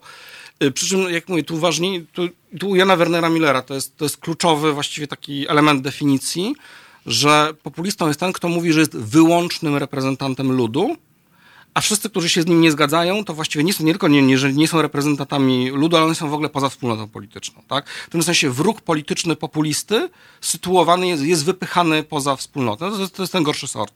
Prawda? Bo pamiętajmy, że Jarosław Kaczyński nie mówił przynajmniej tak twierdzi, że nie mówił o Polakach, o wyborcach, tylko mówił o pewnej frakcji elit. Ale ten gorszy sort było, że ta część elity to prawie w ogóle nie przynależy do narodu polskiego. Tak naprawdę to było, y, to było przesłanie. I w tym sensie oczywiście tak, no te elity, które wiecznie zagrażają, prawda? I dlatego y, są, są, dlatego lud musi być przed nimi broniony, że elity są potężne, mają różne wpływy, mają kontakty z zagranicą, mają media, mają pieniądze i tak organizacje pozarządowe i tak dalej i tym podobne. No i dlatego znowu o tym, o to, o czym mówiliśmy na początku, y, nawet jeśli formacja populistyczna zdobędzie władzę, to dalej może bronić ludu przed elitami, no co nie da się ukryć, nasuwa skojarzenie ze słynną formułą Józefa Stalina, który mawiał, że yy, walka klas zaostrza się wraz z postępami socjalizmu. Y, to znaczy, że im dłużej, im skuteczniej, im efektywniej budujemy socjalizm, tym silniej, tym wyraźniej, tym groźniej podnosi łeb hydra tam burżuazji, kłactwa, kapitalizmu i tak dalej, co wydawało się na pierwszy rzut oka sprzeczne, no bo skoro buduje się socjalizm, nie ma kłaków, nie ma burżujów, no to po co walka klas? No a tutaj była ta opowieść, a nieprawda, oni podnoszą głowę. No i tu jest troszeczkę na podobnej zasadzie to wygląda, prawda? Czyli oderwani od koryta, prawda? Którzy tam y, bardzo chcą do niego powrócić. Y, no tak, to ta, ta obro, ten, ten, ten lud jest cały czas y, broniony, no tylko już nie przed elitą, która jest u władzy i którą trzeba od tej władzy odsunąć, tylko przed elitą, która chce do tej władzy wrócić. To po pierwsze, znaczy chce z powrotem przejąć państwo, odebrać ludowi to, co mu władza dała, czyli na przykład 500, plus, to był przecież jeden z argumentów, prawda? Jak wróci opozycja, to, yy, to świadczenie zostanie zabrane, prawda? Zabiorą, zabiorą, mówię wam, zabiorą. To mówił literalnie Jarosław Kaczyński w ten sposób, znaczy trzykrotnie powtarzając to słowo na, na rozpoczęcie jednego z wiecy. No także, także tak, to, to, to obrona przed, przed, przed elitą to jest zdecydowanie ta, ta, ta opowieść przed kastą, tak chociażby. A czy poza, tą, poza tym narodem jest tylko elita? Czy jeszcze mieszczą się jakieś inne grupy wykluczone, ale których nie można włączyć, bo nie podzielają tych samych A, wartości? No to jest właśnie bardzo ciekawe, bo o tym pisał, y, w mniejszym stopniu o tym pisze Jan Werner Müller, natomiast o tym pisał Maciej Gdula w książce Nowy Autorytaryzm, która ma, zawiera troszeczkę inną perspektywę y, teoretyczną. To taka książka oparta na badaniach dość głośnych, przeprowadzonych w miastku, oczywiście to miasto się tak naprawdę, miasteczko się tak naprawdę nie nazywało, było jedno z miast y, y, Mazowsza, w którym PiS osiągnął bardzo dobry wynik wyborczy. I tam y, to, to było sformułowane mniej więcej w ten sposób, że władza nowoautorytarna, tak, czy autorytarna na nowy sposób, wyklucza różne grupy ze wspólnoty. Z jednej strony to mogą być elity, czyli ci, co są, co się sami się pozycjonują ponad narodem, prawda, czują się od niego lepsi, a zarazem są moralnie skorumpowani, w związku z czym zostają od tej wspólnoty odcięci. Na przykład teraz sędziowie. Tak, tak, no sędziowie, sędziowie są bardzo dobrym przykładem, jako, więc oni są odcięci od wspólnoty i nie mają prawa do solidarności i empatii ze strony, ze strony wspólnoty. Yy, oni zostają na tej zasadzie odcięci, ale są również inne grupy, które też na solidarność nie zasługują. I to jest ciekawe, no tutaj w 15 roku taką grupą ewidentnie byli uchodźcy. Znaczy potraktowano ich jako tych, którzy z różnych powodów nie mają prawa do naszej solidarności, czy solidarności z naszej strony. Bo trzeba, słowo solidarność jest kluczowe, bo w tej wspólnocie populistycznej mówi się o tym, że I to, I to jest zresztą to, co było bardzo taką chyba mocną częścią agendy Jarosława Kaczyńskiego. Znaczy on powiedział, że my budujemy solidarną wspólnotę, prawda? Że nie zostawiamy nikogo samemu sobie, ale to tak nie do końca jest nikogo. Nie zostawiamy tych, którzy naprawdę do tej wspólnoty należą i naprawdę na solidarność zasługują. Nie zasługiwali na nią uchodźcy, nie zasługują na tę solidarność i empatię osoby, które na przykład żyją, mają, styl życia, prawda, który jest niezgodny z pewnym wzorcem e, tradycyjnym, tak jak te tradycje definiuje Jarosław Kaczyński, że tradycyjny model rodziny, prawda? Czy samotny mężczyzna to jest tradycyjny model rodziny? Ja nie wiem, ale y, to, to już nawet nie chodzi o osobiste przytyki, ale o to, że jest pewien konstrukt. Prawda? Pod warunkiem, że jest religijny, myślę. Tak, to, być może, włącza tak. Znaczy, okej, okay, to rzeczywiście to się jakoś tam mieściło, powiedzmy, na samotny kawaler, prawda? Yy, ale yy, rzeczywiście jest pewien konstrukt tego narodu, kto do niego należy, on między innymi dotyczy tego, jaki styl, właśnie jaki styl życia, jakie wartości się wyznaje, bo to właściwie to nie jest styl życia, to jest bardziej wartości, jak się wyznaje, które się na ten styl życia przekładają. No jeśli ktoś tego nie, wzorca nie realizuje, no to nie jest przynajmniej nie jest peł, w pełni członkiem wspólnoty. No i tutaj oczywiście są różne poziomy tego, tego wykluczenia. Czy powinien się tylko nie obnosić czy może przynależeć pod warunkiem, że się nie obnosi, prawda? To dotyczy przykład mniejszości seksualnych, tak się to opowiada, prawda? Przecież my, mówi Prawo i Sprawiedliwość, my nie, nie wykluczamy, nie represjonujemy, broń Boże, no chodzi po prostu o to, żeby nie obnoszono się z pewnym y, modelem życia, który jest y, nieprzystający, prawda, do, do, do polskich tradycyjnych wartości. Więc są różne grupy, które zostają rzeczywiście wykluczone, no właśnie z klucza, może to być też obcość kulturowa, Gdula wskazywał na to, że jemu z badań wychodziła ciekawa rzecz, że a propos uchodźców, tam dochodził jeszcze taki jeden wątek etyczny, nieoczywisty. Znaczy, bardzo często respondenci, zwolennicy Prawa i Sprawiedliwości podkreślali, że to był rok 2015, pamiętam kontekst wojny w Syrii, że ci ludzie, którzy uciekają stamtąd, oni są tchórzliwi, bo nie walczą o swoją ojczyznę. Prawda? Dlaczego, dlaczego jest tak dużo mężczyzn? Dlaczego nie, chwyta, nie chwytają za broń, nie bronią swojej ojczyzny? Oczywiście tam, jak wiemy, ten konflikt tak wygląda, że nie za bardzo wiadomo, przed kim należałoby tej ojczyzny bronić. No niemniej y, była taka opowieść, że to są ludzie, którzy są niegodni w pewnym sensie solidarności, no właśnie ze względu na to, że są niehonorowi, prawda?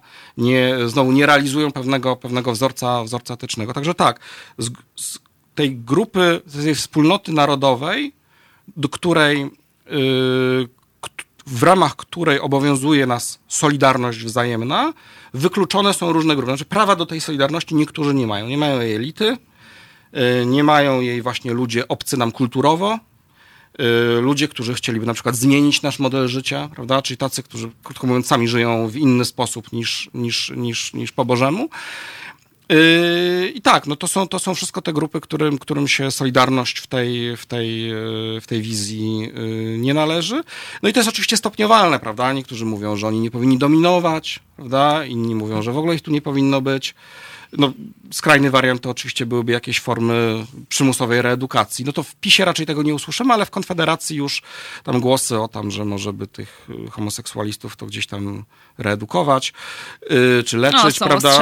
Czy leczyć, czy leczyć z homoseksualizmu, no to już coś takiego się no, już, już, już, już można usłyszeć. Także tak jak mówię, to jest, te, te, te poziomy, to wykluczenie jest stopniowalne, prawda? W oczywisty sposób też zależy od bieżącej atmosfery politycznej. Panie redaktorze, bardzo dziękuję za dzisiejszą wizytę w naszym studiu. Proszę dziękuję Państwa, był z nami Michał Sutowski z Krytyki Politycznej. Teraz posłuchamy Bee Gees Still Waters, a po przerwie wracamy do rozmowy z kolejnymi gośćmi. Halo Radio. Gadamy i trochę gramy.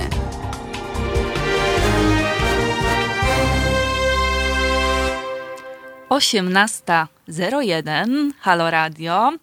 E, z Państwem Agnieszka Żądło.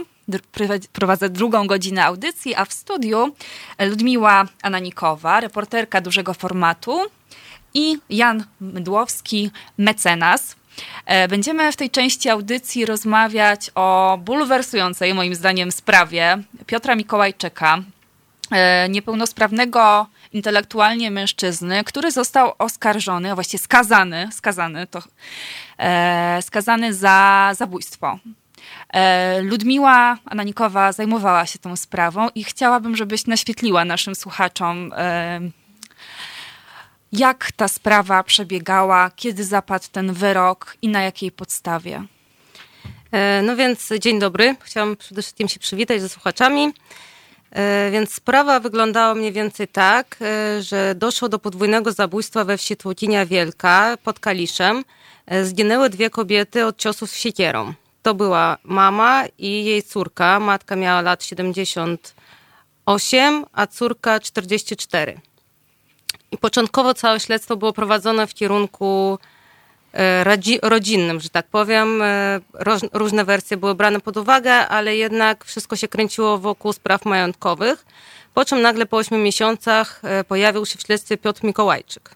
Bo jak się okazało, pracował w gospodarstwie sąsiadującym z posesją, na, którym doszło, na której doszło do zabójstwa. I ktoś po prostu ze wsi powiedział policjantom, że taki pan był. No i na tej podstawie pana zatrzymano, początkowo jako świadka, przesłuchano i w trakcie tego przesłuchania, jak twierdzą policjanci, tak, a później uznał sąd i prokuratura, pan Mikołajczyk się przyznał.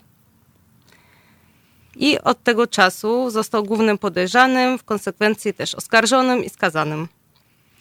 odsiaduje wyrok 25 lat pozbawienia wolności. Dawno ta sprawa miała miejsce? E, Mówię do zabójstwa doszło, doszło w 2010 roku.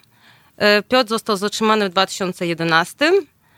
E, pierwszy wyrok zapadł w 2012 po pięciu rozprawach i wtedy Piotr został skazany na dożywocie.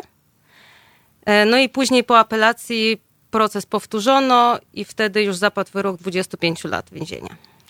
Czy mogą Państwo powiedzieć, dlaczego Piotr się przyznał? E, skoro teraz twierdzi, że, e, że, że, Czy on twierdzi, że jest niewinny? Czy Wy e, podejrzewacie, że jest niewinny? Jak, jak ta sprawa wygląda? Dobry wieczór Państwu. Sytuacja wygląda tak, że powody, dla których Piotr Mikołajczyk się przyznał, no, są wątpliwe. To znaczy, ja powiem inaczej my jako obrońcy i osoby, które spotykają się z tą sprawą, czyli zarówno pani redaktor, jak i inne osoby, które miały oko, okazję zapoznać się z aktami sprawy, twierdzimy, że pan Piotr Mikołajczyk tak naprawdę się nie przyznał. To, czym dysponuje prokuratura, jest to protokół, w którym jest jego przyznanie. To znaczy jest jego podpis pod treścią, która w tym protokole się znajduje. My stoimy na stanowisku, że albo Piotr Mikołajczyk tak naprawdę się nie przyznał, to znaczy został w jakimś sensie zmuszony i nie są to jego własne słowa, które w tym protokole są, ewentualnie, że doszło w wyniku zastosowania specyficznej te te techniki czy też taktyki przesłuchania w stosunku do osoby z deficytami intelektualnymi, osoby z upośledzeniem umysłowym, osoby, której stopień rozwoju jest na poziomie dwunastolatka, bo tak stwierdzili biegli w tym postępowaniu, doszło do tak zwanego zinternalizowanego przyznania się. To znaczy, że w stosunku do takich osób zastosowanie określonych technik może skutkować tym, że uwierzą w to, że pewne czyny zostały popełnione. I wtedy właśnie te okoliczności przedstawione przez funkcjonariuszy stają się dla nich okolicznościami, w które same wierzą, że były uczestnikami tych zdarzeń. E, to nie jest wymysł obrońców, to nie jest jakiś trik procesowy. E, to jest e, fenomen, który jest znany w nauce psychologii i psychiatrii i intensywnie badany już od lat 70. XX wieku. Takich przypadków w Stanach Zjednoczonych było co najmniej kilkaset, kilkadziesiąt e, i to takich dobrze udokumentowanych, gdzie po mm, wielu, wielu latach, kiedy mm, doszło do pojawienia się nowych dowodów, czy też e, polepszyły się możliwości wykrywcze, badanie kodu DNA, czy nawet zbieranie mm, jakichś innych śladów, no pozwoliło na wykrycie prawdziwych sprawców. No takie rzeczy się po prostu dzieją, niektóre z nich e, trafiają później na pierwsze strony gazet, e, a niektóre, o niektórych powstają nawet seriale na Netflixie. To po prostu jest prawda. Co ciekawe, w tej sprawie tak naprawdę nie ma żadnego dowodu, który wskazuje na Piotra Mikołajczyka poza jego przyznaniem. To znaczy mamy do czynienia z sytuacją, w której mieliśmy bardzo brutalne, podwójne zabójstwo, jak powiedziała pani redaktor. Mm, e, to była sprawa, no powiedzmy tak, no miejsce tego zdarzenia e, wyglądało jak z najgorszego koszmaru. Tam krew była wszędzie.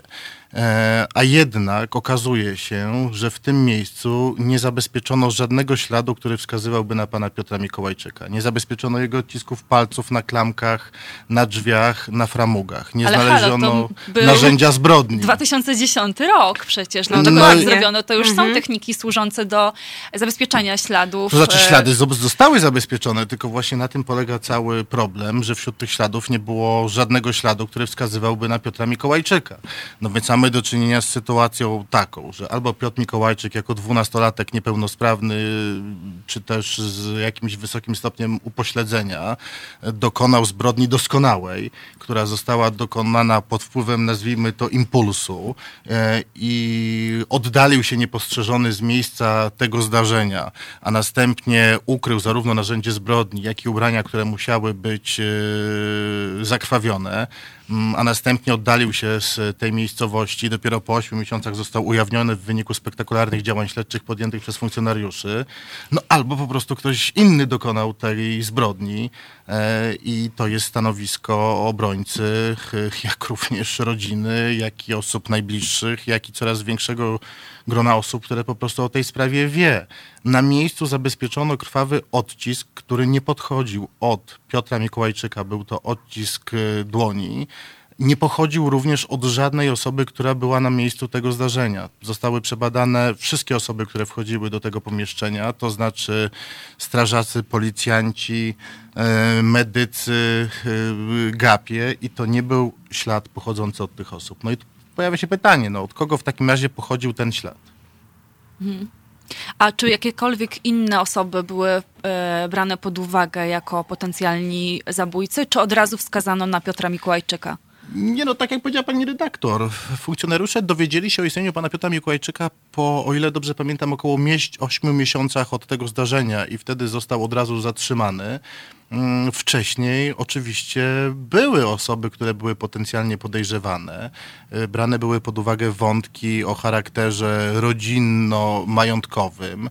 Były prowadzone czynności o charakterze operacyjnym w stosunku do tych osób celem zweryfikowania prawdziwości podawanych przez nich okoliczności, alibi, E, no i te czynności w naszej ocenie, i to było podnoszone na różnych etapach sprawy, no jednak wskazują, że te osoby nie do końca mówią prawdę na temat e, tych zdarzeń, które mogły mieć miejsce, no ale brak jest na ten moment dowodu, który by jednoznacznie wskazywał na określoną osobę, no bo gdyby taki dowód był, może... Hmm, Można by było powalczyć o wznowienie postępowania Dokładnie wtedy. tak.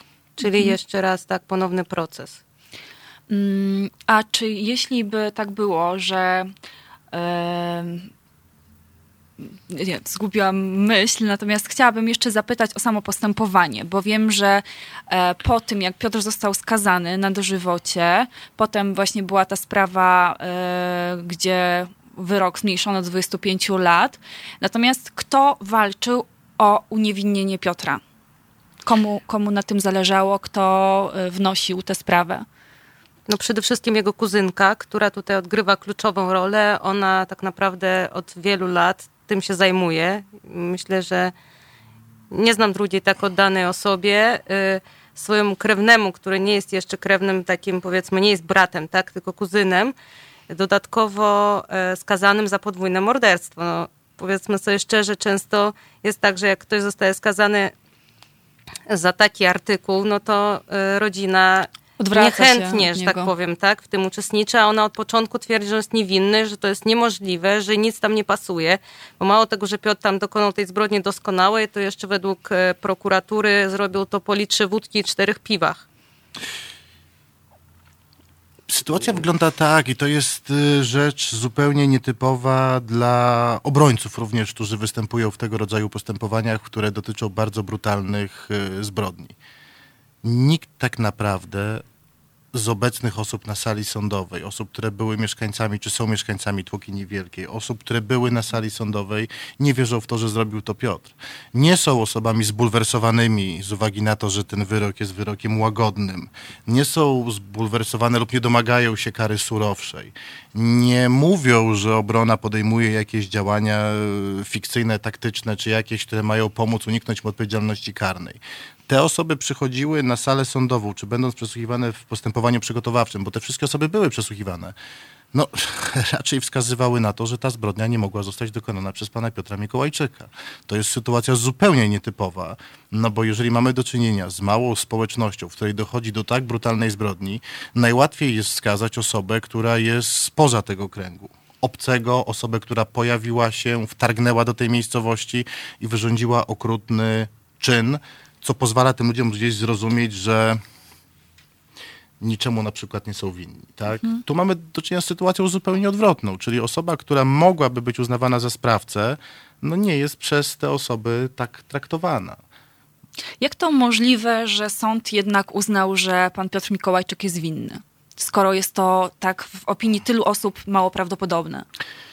Ja Albo wręcz niemożliwe. Ja powiem tak, no po pierwsze w tej sprawie mamy do czynienia z dwoma problemami. No jeden problem występuje w każdym postępowaniu karnym. E, No jakby nie patrzeć, e, człowiek nie jest istotą doskonałą. No więc wszystko, co przez człowieka jest stworzone, w tym wymiar sprawiedliwości, te normy, które regulują postępowania przed sądem czy w postępowaniu przygotowawczym, po prostu są niedoskonałe. No więc jeżeli są niedoskonałe, może dojść do błędu, może dojść do pomyłki, może dojść do wypaczenia rozumienia określonego przepisu i to jest pierwszy problem, czyli to, że po prostu postępowanie karne jest niedoskonałe i takie rzeczy jak e, skazanie osoby niewinnej po prostu się zdarza. Z tym trzeba się po prostu pogodzić.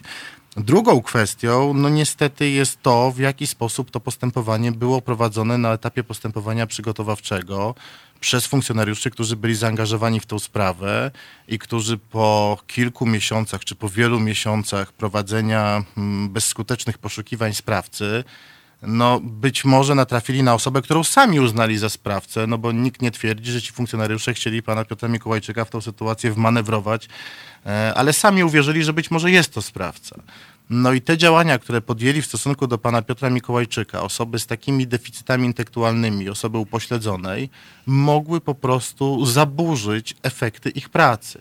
I w momencie, w którym prokurator czy sąd dysponowali przyznaniem się pana Piotra Mikołajczyka, które było sporządzone w formie protokołu i zawierające jego podpis, no było dla nich wystarczające do skazania Piotra Mikołajczyka. I w wielu sprawach oczywiście być może byłoby to wystarczające, ale w tej sprawie po prostu istnieje wiele wątpliwości, w jaki sposób doszło do uzyskania tego podpisu na jego protokole przesłuchania.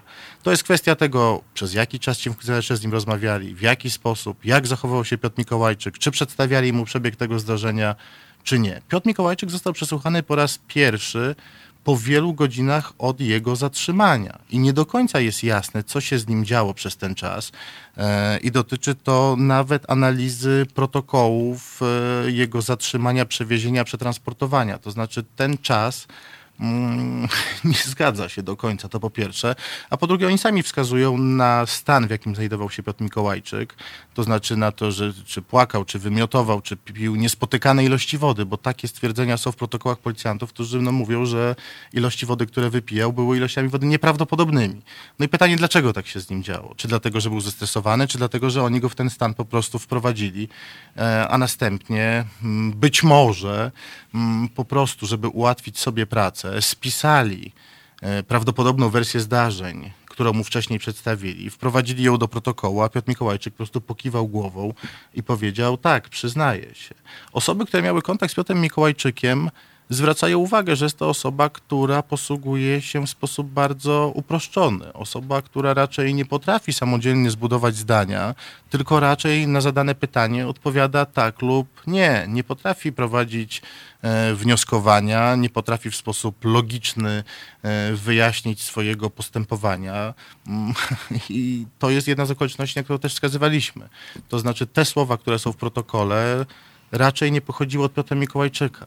I o ile w zwykłej sprawie może nie mieć znaczenia, czy funkcjonariusz sparafrazuje czyjąś wypowiedź, czy kilka krótkich e, zdań zamieni w jedną rozbudowaną wypowiedź, no to o tyle w przypadku osoby, która jest dwunastolatkiem, wydaje nam się to po prostu nieprawidłowe. Jest, była dwunastolatkiem? Nie, Nie, mówimy, że ma e, poziom poziom rozwoju. rozwoju Tak, dwunastolatka. dwunastolatka. A ile miał lat e, pan Piotr wtedy? Proszę mi wybaczyć, ale nie pamiętam Teraz ma teraz. 31. No to był To- 2011 rok. To było 9 10 lat temu. Dziewięć 22, lat temu, 23. dokładnie. Tak, tak czyli- jakoś. Ponad Mhm. 20-letni mężczyzna, ale e, na poziomie dwunastolatka, jak to państwo określają. A mm, jakie argumenty przemawiają za tym, że pan Piotr Mikołajczyk nie popełnił tych dwóch morderstw? No przede wszystkim brak dowodów rzeczowych jakichkolwiek, tak, na to, że był na miejscu. Nie ma, nie wiem, ubrań zakrwawionych, y, narzędzia zbrodni, nie ma mm, żadnych odcisków palców. Tak jak powiedzieliście, a e, jeśli Profil chodzi o psychologiczny jego... się nie zgadza. Właśnie, a jeśli chodzi o jego e, zdolności do popełnienia tego rodzaju zbrodni w kontekście jego e, takich, mm, takiej no, niedyspozycji intelektualnej, e, czy właśnie, czy tego rodzaju zbrodnia, którą on, e, która została popełniona, mogła być popełniona przez Piotra Mikołajczyka? No z, z profilu, który sporządzili policyjni profilerzy z Komendy Wojewódzkiej w Poznaniu, no wynika, że to był zupełnie ktoś inny, tak? Bo to musiała być osoba zdecydowana, silna, y, sprawna intelektualnie, bardzo, że tak powiem, kalkulująca dobrze, tak? Która potrafiła na zimno po prostu zrobić coś takiego. Wszystko, czego się dowiedziałam o Piotrze Mikołajczyku, do tego nie pasuje, bo to był człowiek, który był od dziecka zalękniony, który płakał, który nie potrafił w piątej klasie dobrze pisać i czytać no, żadne kalkulacje, że tak powiem, czy jakieś logiczne wnioskowanie tutaj nie występowało, za przeproszeniem. W związku z czym no, zupełnie byłoby niewiarygodne y, stwierdzenie, że Piotr potrafił popełnić właśnie taką zbrodnię, na przykład zatrzeć ślady, tak? Czy jakoś wyrzucić, nie wiem, gdzieś to narzędzie zbrodni, spalić ubrania, tak jak tam sugerowano, czy je wyprać. W ogóle to jest absurd, gdyż Piotr y, był taką osobą, która nie prała i bardzo rzadko się myła jeżeli go się nie wysłało do tej kąpieli, on po prostu tego nie robił. I policjanci, którzy go zabierali na przesłuchanie, kiedy przyjechali do jego domu, to nawet jeden napisał potem e, właśnie w tym protokole zatrzymania, czy mówił też w sądzie o tym, że Piotr tak śmierdział, że oni nawet położyli tekturę na siedzenie w radiowozie. Czyli po prostu to był facet, który on się tak sam... naprawdę nigdy nie mył. Tak, to, nigdy to się nie mył, chodził w tych samych ubraniach. Tutaj nawet pies policyjny go nie wywąchał, co byłoby też, co byłoby dziwne, gdyby on był na miejscu, to każdy pies te 200 metrów do sąsiedniej posesji na pewno by doszedł i powiedział, i za, że tak powiem powiedział, no zaszczekał, tak, że tutaj właśnie się znajduje sprawca. Mhm. E, pan, nasz słuchacz, który pisze na czacie, e, z tego co pamiętam, z państwa w państwie, jedynym dowodem były jakieś krótkie spodenki, które rzekomo nosił zimą. Nie wiem. To znaczy, e, to jest bardzo ciekawa, to jest bardzo ciekawa historia, tylko no, to nie jest dowód na brak sprawstwa pana Piotra Mikołajczyka, tylko to jest dowód na to, że to, co się stało w tym postępowaniu, jest po prostu nieprawidłowe. Kwestia tych spotenek pojawiła się tak naprawdę właśnie w tym protokole przesłuchania Piotra Mikołajczyka, w którym on miał się przyznać do tego zabójstwa. I on powiedział w tym protokole, że na spodenkach, które zabezpieczyli u niego policjanci, są ślady krwi, czy też, że te spodenki miał na sobie w chwili zabójstwa, które zabezpieczyli policjanci. I tu się pojawia pierwszy wielki znak zapytania. Piotr Mikołajczyk w momencie, kiedy był przesłuchiwany, nie mógł mieć wiedzy na temat tego, że te spodenki zostały zabezpieczone. To przeszukanie mieszkania, w którym został zatrzymany u swojej matki, gdzie zostały znalezione te spodenki, zostały znalezione w czasie, kiedy Piotr Mikołajczyk przebywał już na komisariacie, więc nie mógł nawet o tym wiedzieć. To znaczy, że jeżeli o tym wiedział, to znaczy, że najprawdopodobniej te informacje przekazali mu policjanci. To znaczy, że funkcjonariusze, którzy byli na miejscu zdarzenia i znaleźli spodenki, które były zapełnione plamami brunatnymi, które wyglądały jak krew, najprawdopodobniej poinformowali swoich kolegów w jednostce policji, że być może mają ubranie, w którym był sprawca. Później okazało się, że te plamy nie są plamami krwi. Dlatego ta historia, a pani rektor jeszcze wspomniała o jednej rzeczy. Wszystkie osoby wspominały o tym, że pan Piotr Mikołajczyk nawet latem w trakcie prac polowych był osobą, która chodziła w długim dresie, zwykle w długiej bluzie, tak po prostu było mu wygodniej. On spał w stodole, mm, nie utrzymywał wysokich standardów, jeśli chodzi o swoją higienę. I, I w no, ogóle nigdy nie zakładał krótkich spodenek, nawet jak był małym dzieckiem. Dla, to wiemy od kuzynki. Dokładnie. I dlatego no, twierdzenie, że nagle w listopadzie, kiedy tam temperatura oscylowała w granicach zera, wpadł na pomysł ubrania takich spodenek, a następnie ich zdjęcia, no wydaje się sprawą zupełnie absurdalną. Tyle tylko, że na moment przesłuchania być może wydawało się to racjonalne z uwagi na te plamy. Tylko później okazało się, że te plamy wcale nie są po prostu plamami krwi. Tam były sporządzone kolejne opinie biegłych, no i, że tak powiem, nagabywane, czy też na skutek kolejnych pytań kiedy ta sprawa, że tak powiem, z punktu widzenia mm, prokuratury się nie kleiła, mówiąc kolokwialnie, no biegły powiedziały, że można by było usunąć ślady krwi z takich spodenek, no ale to jednak musiały być specjalistyczne środki i tak dalej.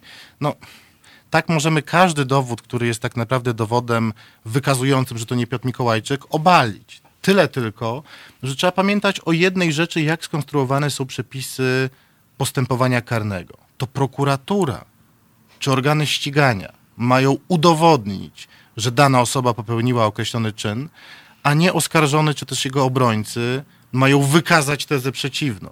To znaczy, absurdalnym i niemożliwym jest oczekiwanie od obrońcy, czy też od oskarżonego, że to on ujmie sprawcę, wskaże innego sprawcę lub przeprowadzi postępowanie dowodowe. To organy ścigania, policja i prokuratura mają cały aparat państwowy, który ma na celu znaleźć tego sprawcę. Dlatego brak tych dowodów no, pozostawia wiele wątpliwości, jeśli chodzi o prawidłowość tego postępowania.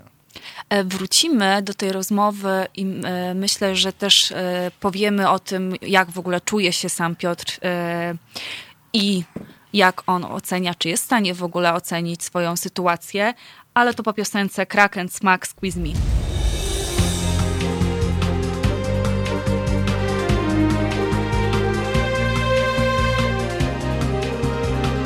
Halo Radio. 18.27.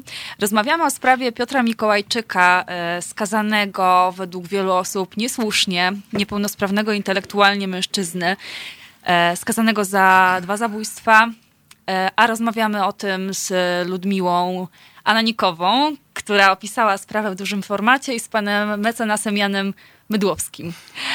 E, jak się czuje teraz pan Piotr Mikołajczyk? Czy on jest świadomy tego, co, e, co, mu się, co zostało mu zarzucone? Czy w ogóle z nim prowadziliście rozmowy? Czy jest dostęp do niego? Dostęp jak najbardziej jest, można do niego jechać, że tak powiem. Oczywiście będąc dziennikarką na przykład albo adwokatem. E, tak z ulicy myślę, że nie. Rozmawiałam z panem Piotrem i generalnie no potwierdzam to wszystko, co było tutaj powiedziane. Tak? Nie jest to osoba elokwentna, która w jakiś tam logiczny sposób opowie o swoim życiu, o tym, co jej się przytrafiło. Pan Piotr ma tak, że zapamiętuje pewne rzeczy, ewidentnie na przykład z rozprawy, czy z akt sprawy to nie, ale z tego, co się o tej sprawie mówiło, co gdzieś tam inne media pokazywały. Natomiast jak tylko próbujesz zboczyć z tego głównego toru i o coś dopytać, natykasz się natychmiast na ścianę i po prostu nie jesteś w stanie niczego się już dowiedzieć. Nagle jest cisza i tylko tak, ewentualnie nie. Trzeba bardzo ciągnąć za język, żeby cokolwiek właściwie się, czegokolwiek się dowiedzieć. I też nie jestem do końca przekonana, czy, tego, czy to jego tak i nie mm, rzeczywiście jest tym tak i tym nie, tak? którego tak. byśmy sobie życzyli. Mhm. On nie do końca rozumie sens nawet pytań, które są do niego zadawane. To znaczy tego, czego się od, tak naprawdę od niego oczekuje. On rozumie, że oczekuje się od niego odpowiedzi. Ale nie odpowiedzi po prostu na konkretne pytanie tej, w tej relacji przyczynowo-skutkowej, tylko po prostu udzielenia odpowiedzi. Czasami ta odpowiedź jest zupełnie nieadekwatna do zadawanego pytania.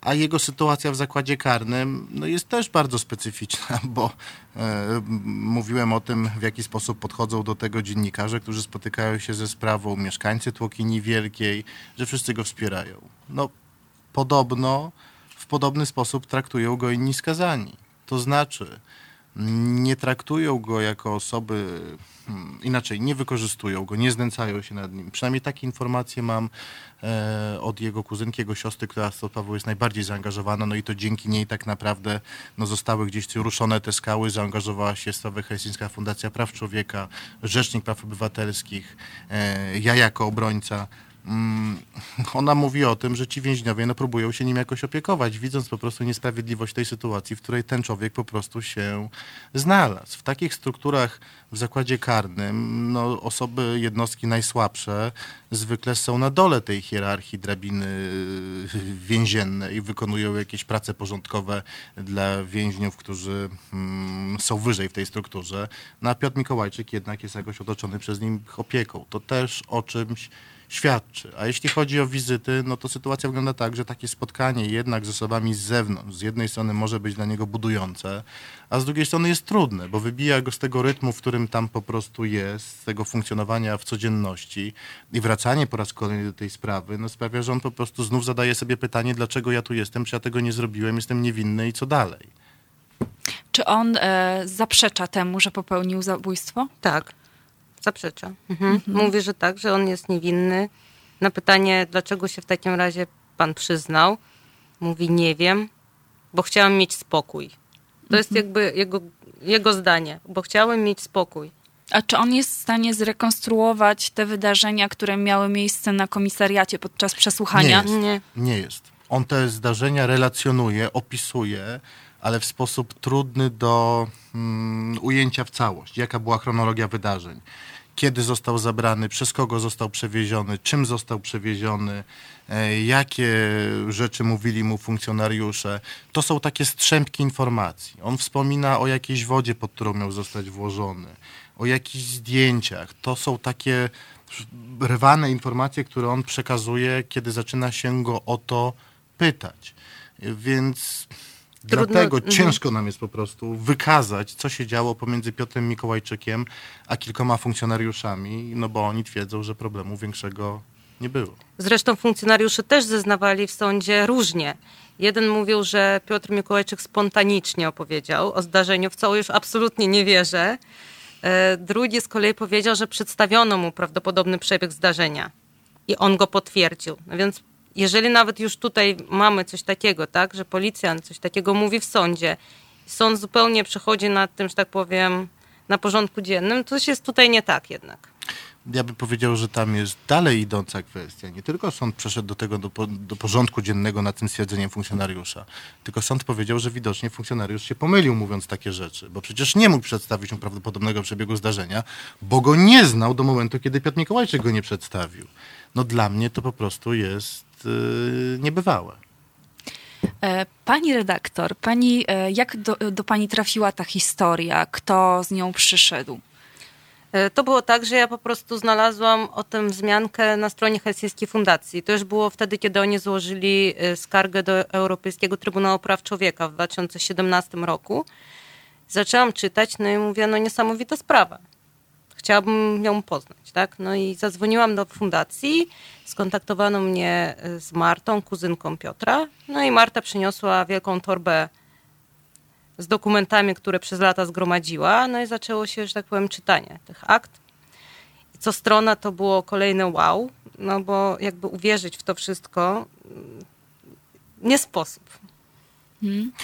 nie jesteśmy w stanie naprawdę opowiedzieć tej skali nieprawidłowości, która w tej sprawie naszym zdaniem miała miejsce na każdym etapie postępowania. Od momentu zatrzymania pana Piotra Mikołajczyka. Dlatego no, nie będziemy też streszczać tych wszystkich okoliczności, ale ja miałem takie samo doświadczenie. E, W momencie, w którym Helsińska Fundacja Praw Człowieka zapytała się, czy adwokat Jacek Dibuła, którego jestem wspólnikiem, nie chciałby się tą kwestią zająć. On zapytał się mnie, czy nie chce się zająć taką sprawą. A ja zacząłem się z nią zapoznawać. No to czytając każdą stronę, przeżywałem to samo, o czym mówi pani redaktor. Na każdej stronie łapałem się za głowę i mówiłem, no ta historia jest naprawdę nieprawdopodobna i ten wyrok nie powinien się ostać. E, Jeden z naszych słuchaczy pisze, że kojarzy tę sprawę, jest skandaliczna i praktycznie bez dowodów. Pewnie zna z publikacji prasowych e, i, i pani, i mo, być może jeszcze innych. E, mówi się, że reportaż zmienia rzeczywistość. Pani napisała reportaż, śledzi pani sprawę od kilku lat, z tego co się orientuje, a jednak ta rzeczywistość nie zmieniła się i teraz mimo tego, że złożona została został zło, złożony wniosek o kasację wyroku, to nie udało się i wyrok został podtrzymany. To już jest druga kasacja, która była w tej sprawie, ponieważ pierwsza została sporządzona przez nas, przez obrońców. E, Ona nie została uwzględniona przez Sąd Najwyższy, no i Rzecznik Praw Obywatelskich postanowił sporządzić również kasację w imieniu mm, Piotra Mikołajczyka i taka skacze w swoim imieniu, no ale w jego sprawie. No i taka kasacja, no niestety, ale również nie została uwzględniona. No, nadzieja umiera ostatnia, tak, e, tak się mówi. I dlatego dalej zajmujemy się tą sprawą i nie mówię tylko o obrońcach i o rodzinie, no ale również o pani redaktor, która jest tutaj z nami i innym osobom zaangażowanym w sprawę. Bo czujemy po prostu, że ta sprawa, czy ten wpływ na tą rzeczywistość może być dwojakiego rodzaju. To znaczy, być może pojawią się naprawdę nowe dowody. To znaczy, ktoś, który usłyszy o tej sprawie, zgłosi się do rodziny, do prokuratury z jakimiś nowymi informacjami, które w tej sprawie mogłyby zostać wykorzystane, zostać uznane za nowy dowód, a gdyby zostały uznane za nowy dowód, istnieje możliwość wznowienia tego postępowania mm, i przeanalizowania tych wszystkich dowodów łącznie z tym nowym, który się w tej sprawie pojawił.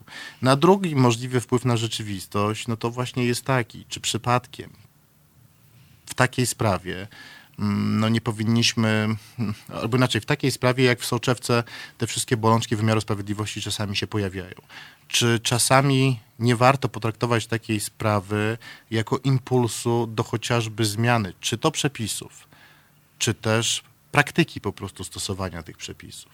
No bo dla mnie, jako dla obrońcy, i wydaje mi się, że to czują również obywatele, którzy zapoznają się z tą sprawą, no wysoce nieprawdopodobnym i niewłaściwym jest przesłuchiwanie osoby, która na pierwszy rzut oka zdradza deficyty intelektualne, jakiś stopień niedorozwoju e, i tak jak mówię, no jest to stopień rozwoju dwunastolatka. To przesłuchiwanie takiej osoby bez obecności obrońcy mm, w bliżej nieokreślony sposób przesłuchiwanie, no bo nie wiemy jak ono wyglądało. Te przesłuchania nie są rejestrowane. Dzieją się w pokoju pomiędzy przesłuchiwanym, czyli na, na przykład Piotrem Mikołajczykiem, a funkcjonariuszem, no ciężko później jest określić tak naprawdę, jak to przesłuchanie wyglądało, jakie pytania zostały mu zadane, czy zostały zadane, czy nie zostały, czy on opowiadał spontanicznie, czy nie, czy on odpowiadał na pytania w sposób logiczny, czy tak naprawdę te pytania już wyłączały swobodę wypowiedzi, no bo nie powinno się zadawać pytań, które zmierzają tylko do na przykład udzielenia odpowiedzi tak lub nie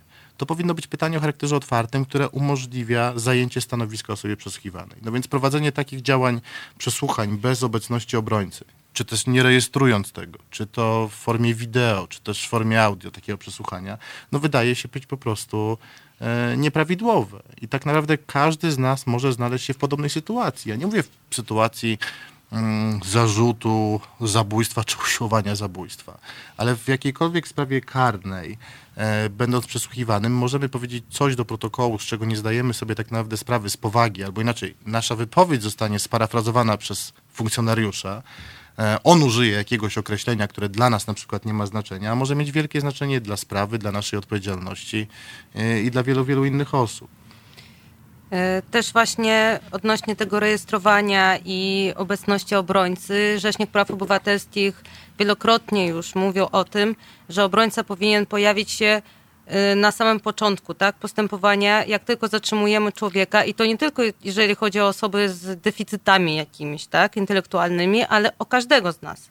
Po prostu ten obrońca jest, powinien być po prostu z urzędu przydzielony natychmiast, właśnie żeby uniknąć takich rzeczy, to jest po pierwsze, a po drugie no to nagrywanie w przypadku osób z niepełnosprawnością intelektualną, no w innych krajach jest, tak? Funkcjonuje coś takiego i po prostu gdyby tutaj powiedzmy ta komenda w Kaliszu dysponowała odpowiednimi też narzędziami, to myślę, że takie przesłuchanie mogłoby zostać nagrane. Pytanie tylko oczywiście, czy by się tam chciało komuś to nagrywać, ale no gdyby był taki obowiązek po prostu, to by to się działo.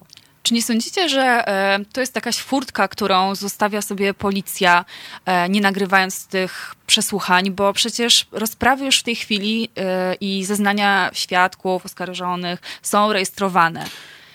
W postępowaniu cywilnym rzeczywiście rozprawy sądowe są rejestrowane. W postępowaniach karnych zwykle nie są rejestrowane. Jest taka możliwość, mhm. ale nie jest to standard. Ale jeśli chodzi o praktykę Mm, niestety, ale policji, no to jest taka, jak pani właśnie powiedziała. Dla nich jest to po prostu olbrzymie ułatwienie, nie musieć rejestrować wszystkich czynności, które są wykonywane, czy to ze świadkami, czy z podejrzanymi, czy z osobami zatrzymanymi.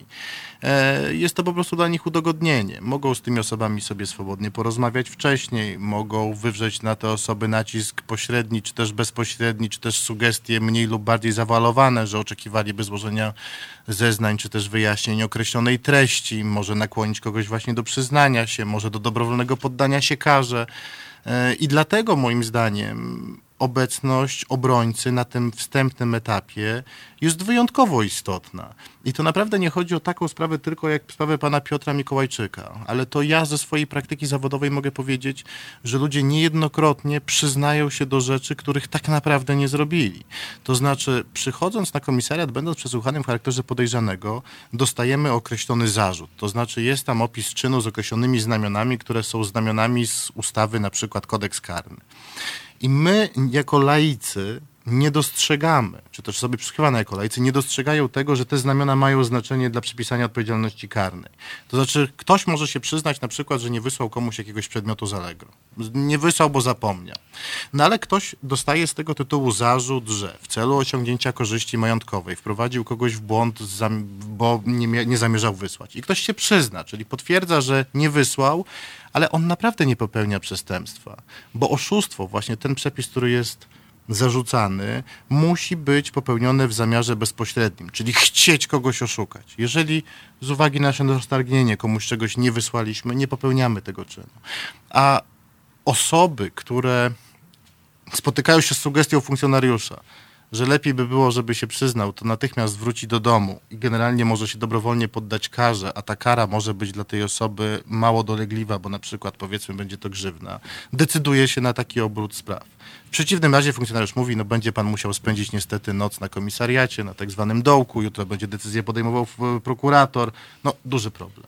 Dlatego obecność obrońcy na tym etapie jest istotna, żeby zagwarantować po prostu tym osobom przestrzeganie ich praw, bo one są zawarte w tych wszystkich ustawach i konstytucji, na którą się powołujemy, czy wiele osób powołuje, ale chodzi o to, żeby ta praktyka stosowania tych przepisów była po prostu prawidłowa. Takie rozmowy sugerujące przez funkcjonariusza uzyskanie określonych treści są po prostu rozmowami nieprawidłowymi, a na pewno nie powinny być prowadzone w stosunku do osób, które znajdują się pod olbrzymią presją, są zastraszone, czy mają jakiegoś rodzaju deficyty.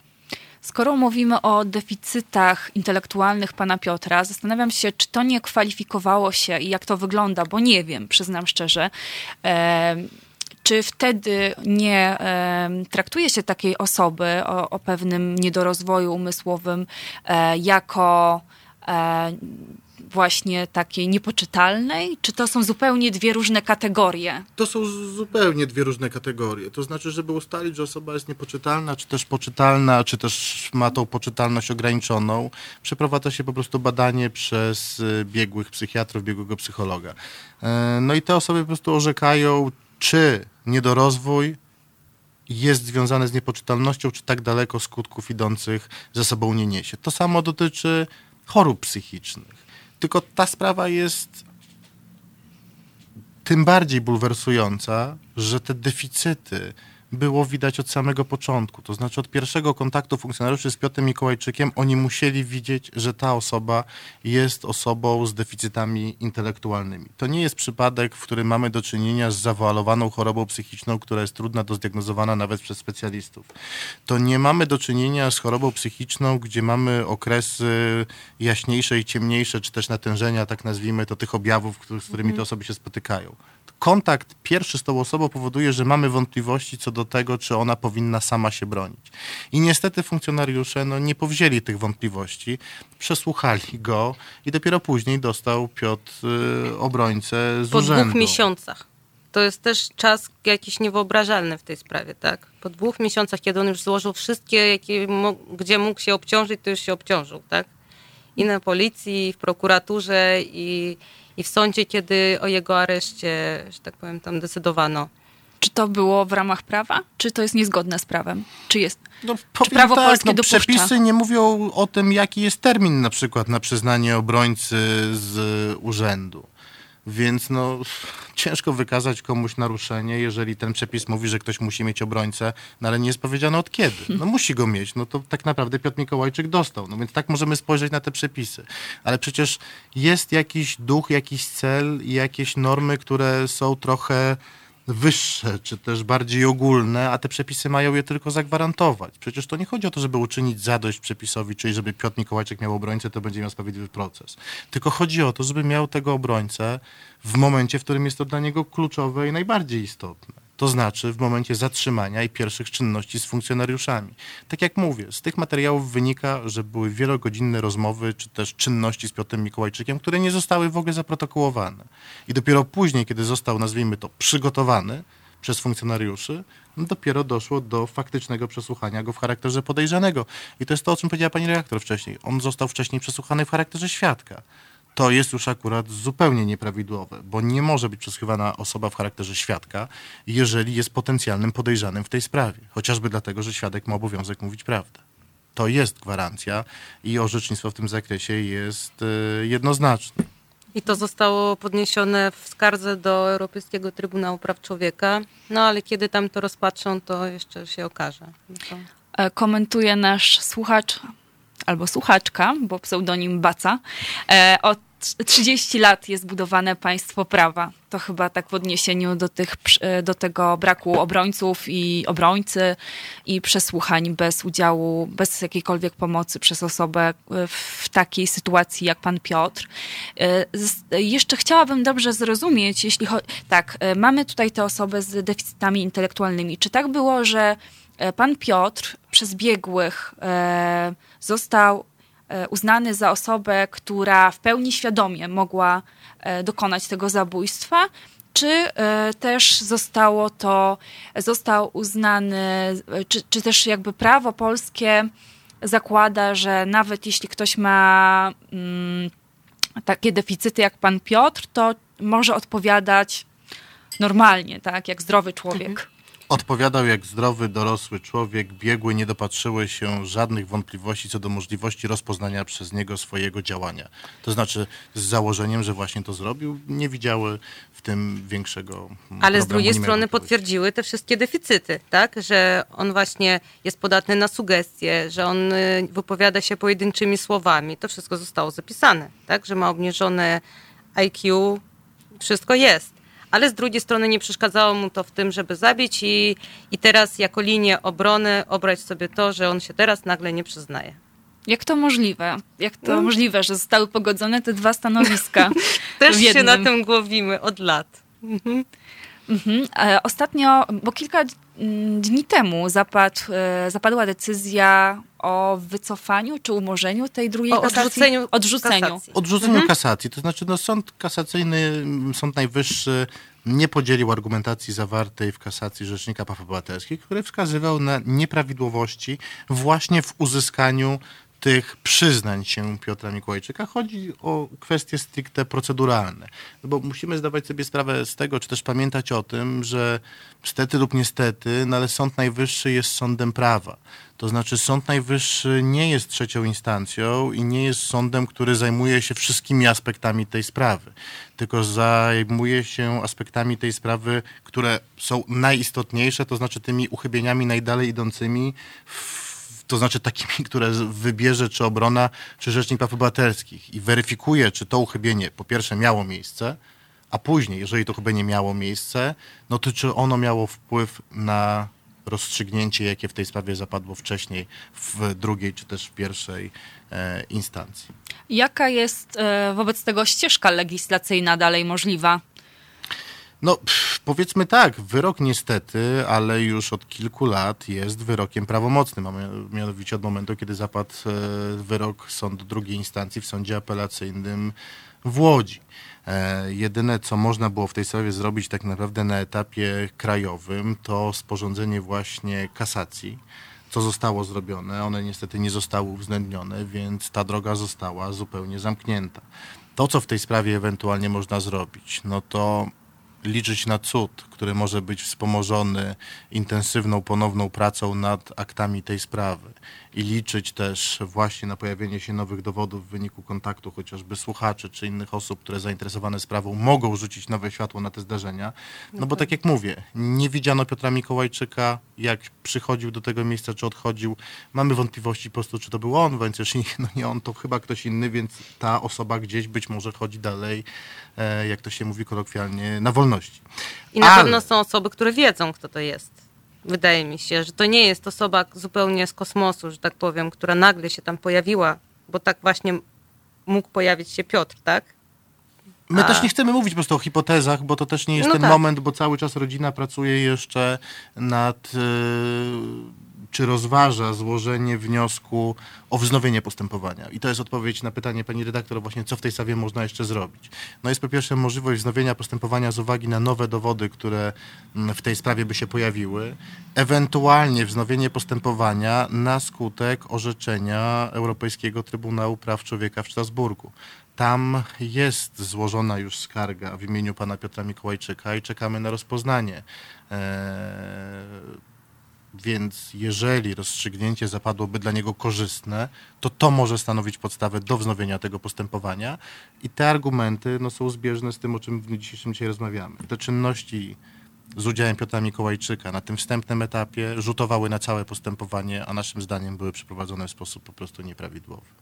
Pan Marek Jerzy pyta, czy już nie przysługuje skarga nadzwyczajna? E, w naszej ocenie nie przysługuje skarga nadzwyczajna i powiemy to tak po prostu w skrócie, e, bo to jest zbyt wiele aspektów, żebyśmy to teraz na tym etapie omówili. A nawet jeśli, no to skarga nadzwyczajna jest e, tak nową instytucją, powiedzmy na ten moment, i tak niewiele tych skarg zostało rozpoznanych, pomimo z tego, co się orientuje, ogromu takich skarg, które zostały złożone, że to nie jest droga, która naszym zdaniem jest drogą realną do przeprowadzenia na tym etapie i w takim stanie prawnym i z takim materiałem dowodowym, jaki w niniejszej sprawie po prostu mamy. Pani Ludmiło, co pani czuła, jak pani zobaczyła informację o tym, że kasacja została odrzucona? Hmm, rozczarowanie może. E, przede wszystkim myślałam o Piotrze, ale też o Marcie, jego kuzynce, która na pewno to bardzo mocno przeżyła. Bo jednak dwa lata czekaliśmy na ten, e, na ten dzień, tak, na rozpatrzenie tej kasacji, e, która zresztą została złożona po moim reportażu, więc szczególnie jakby byłam zainteresowana tym, jakie będzie rozstrzygnięcie. No nie zgadzam się ze stanowiskiem Sądu Najwyższego, ale sąd jest sądem, tak? I wierzę nadal w praworządność i w to, że wolne sądy mają sens piękna puenta naszej dzisiejszej rozmowy. Lepszej chyba nie mogłam sobie wymarzyć. Powiedziała, to proszę Państwa, zapamiętajcie to nazwisko, Ludmiła Anonikowa, reporterka dużego formatu. E, uśmiechał się, sprzyjając Przyłączam tej się, w 100% podpisuję się. Tak po prostu bywa. To, czy my się uśmiechamy Mydłowski. też tutaj. To jest trudna sprawa, no ale nie pozostaje nam nic innego tak naprawdę, jak e, walczyć i przedstawiać nasze argumenty i próbować trochę zmienić tą rzeczywistość na każdym etapie. Czy dla Piotra, czy dla dla innych osób. No nie ma co się obrażać tak naprawdę na te sądy, nie ma też co tak naprawdę patrzeć na, na sądy przez pryzmat jednej czy kilku spraw. W tym kraju zapadają dziesiątki tysięcy, setki tysięcy czy miliony wyroków, w zależności jaki okres weźmiemy pod uwagę. I niestety, tak jak powiedziałem, wymiar sprawiedliwości no nie jest idealny, ale dlatego, że jest po prostu tworzony przez człowieka. Dlatego patrzmy optymistycznie w przyszłość i róbmy swoje. Bardzo dziękuję Państwu za udział w dzisiejszej audycji. Z Państwem była też Agnieszka Żądło, czyli ja, która zaprasza na kolejną audycję za tydzień o godzinie 17, a teraz David Bowie, e, China Girl.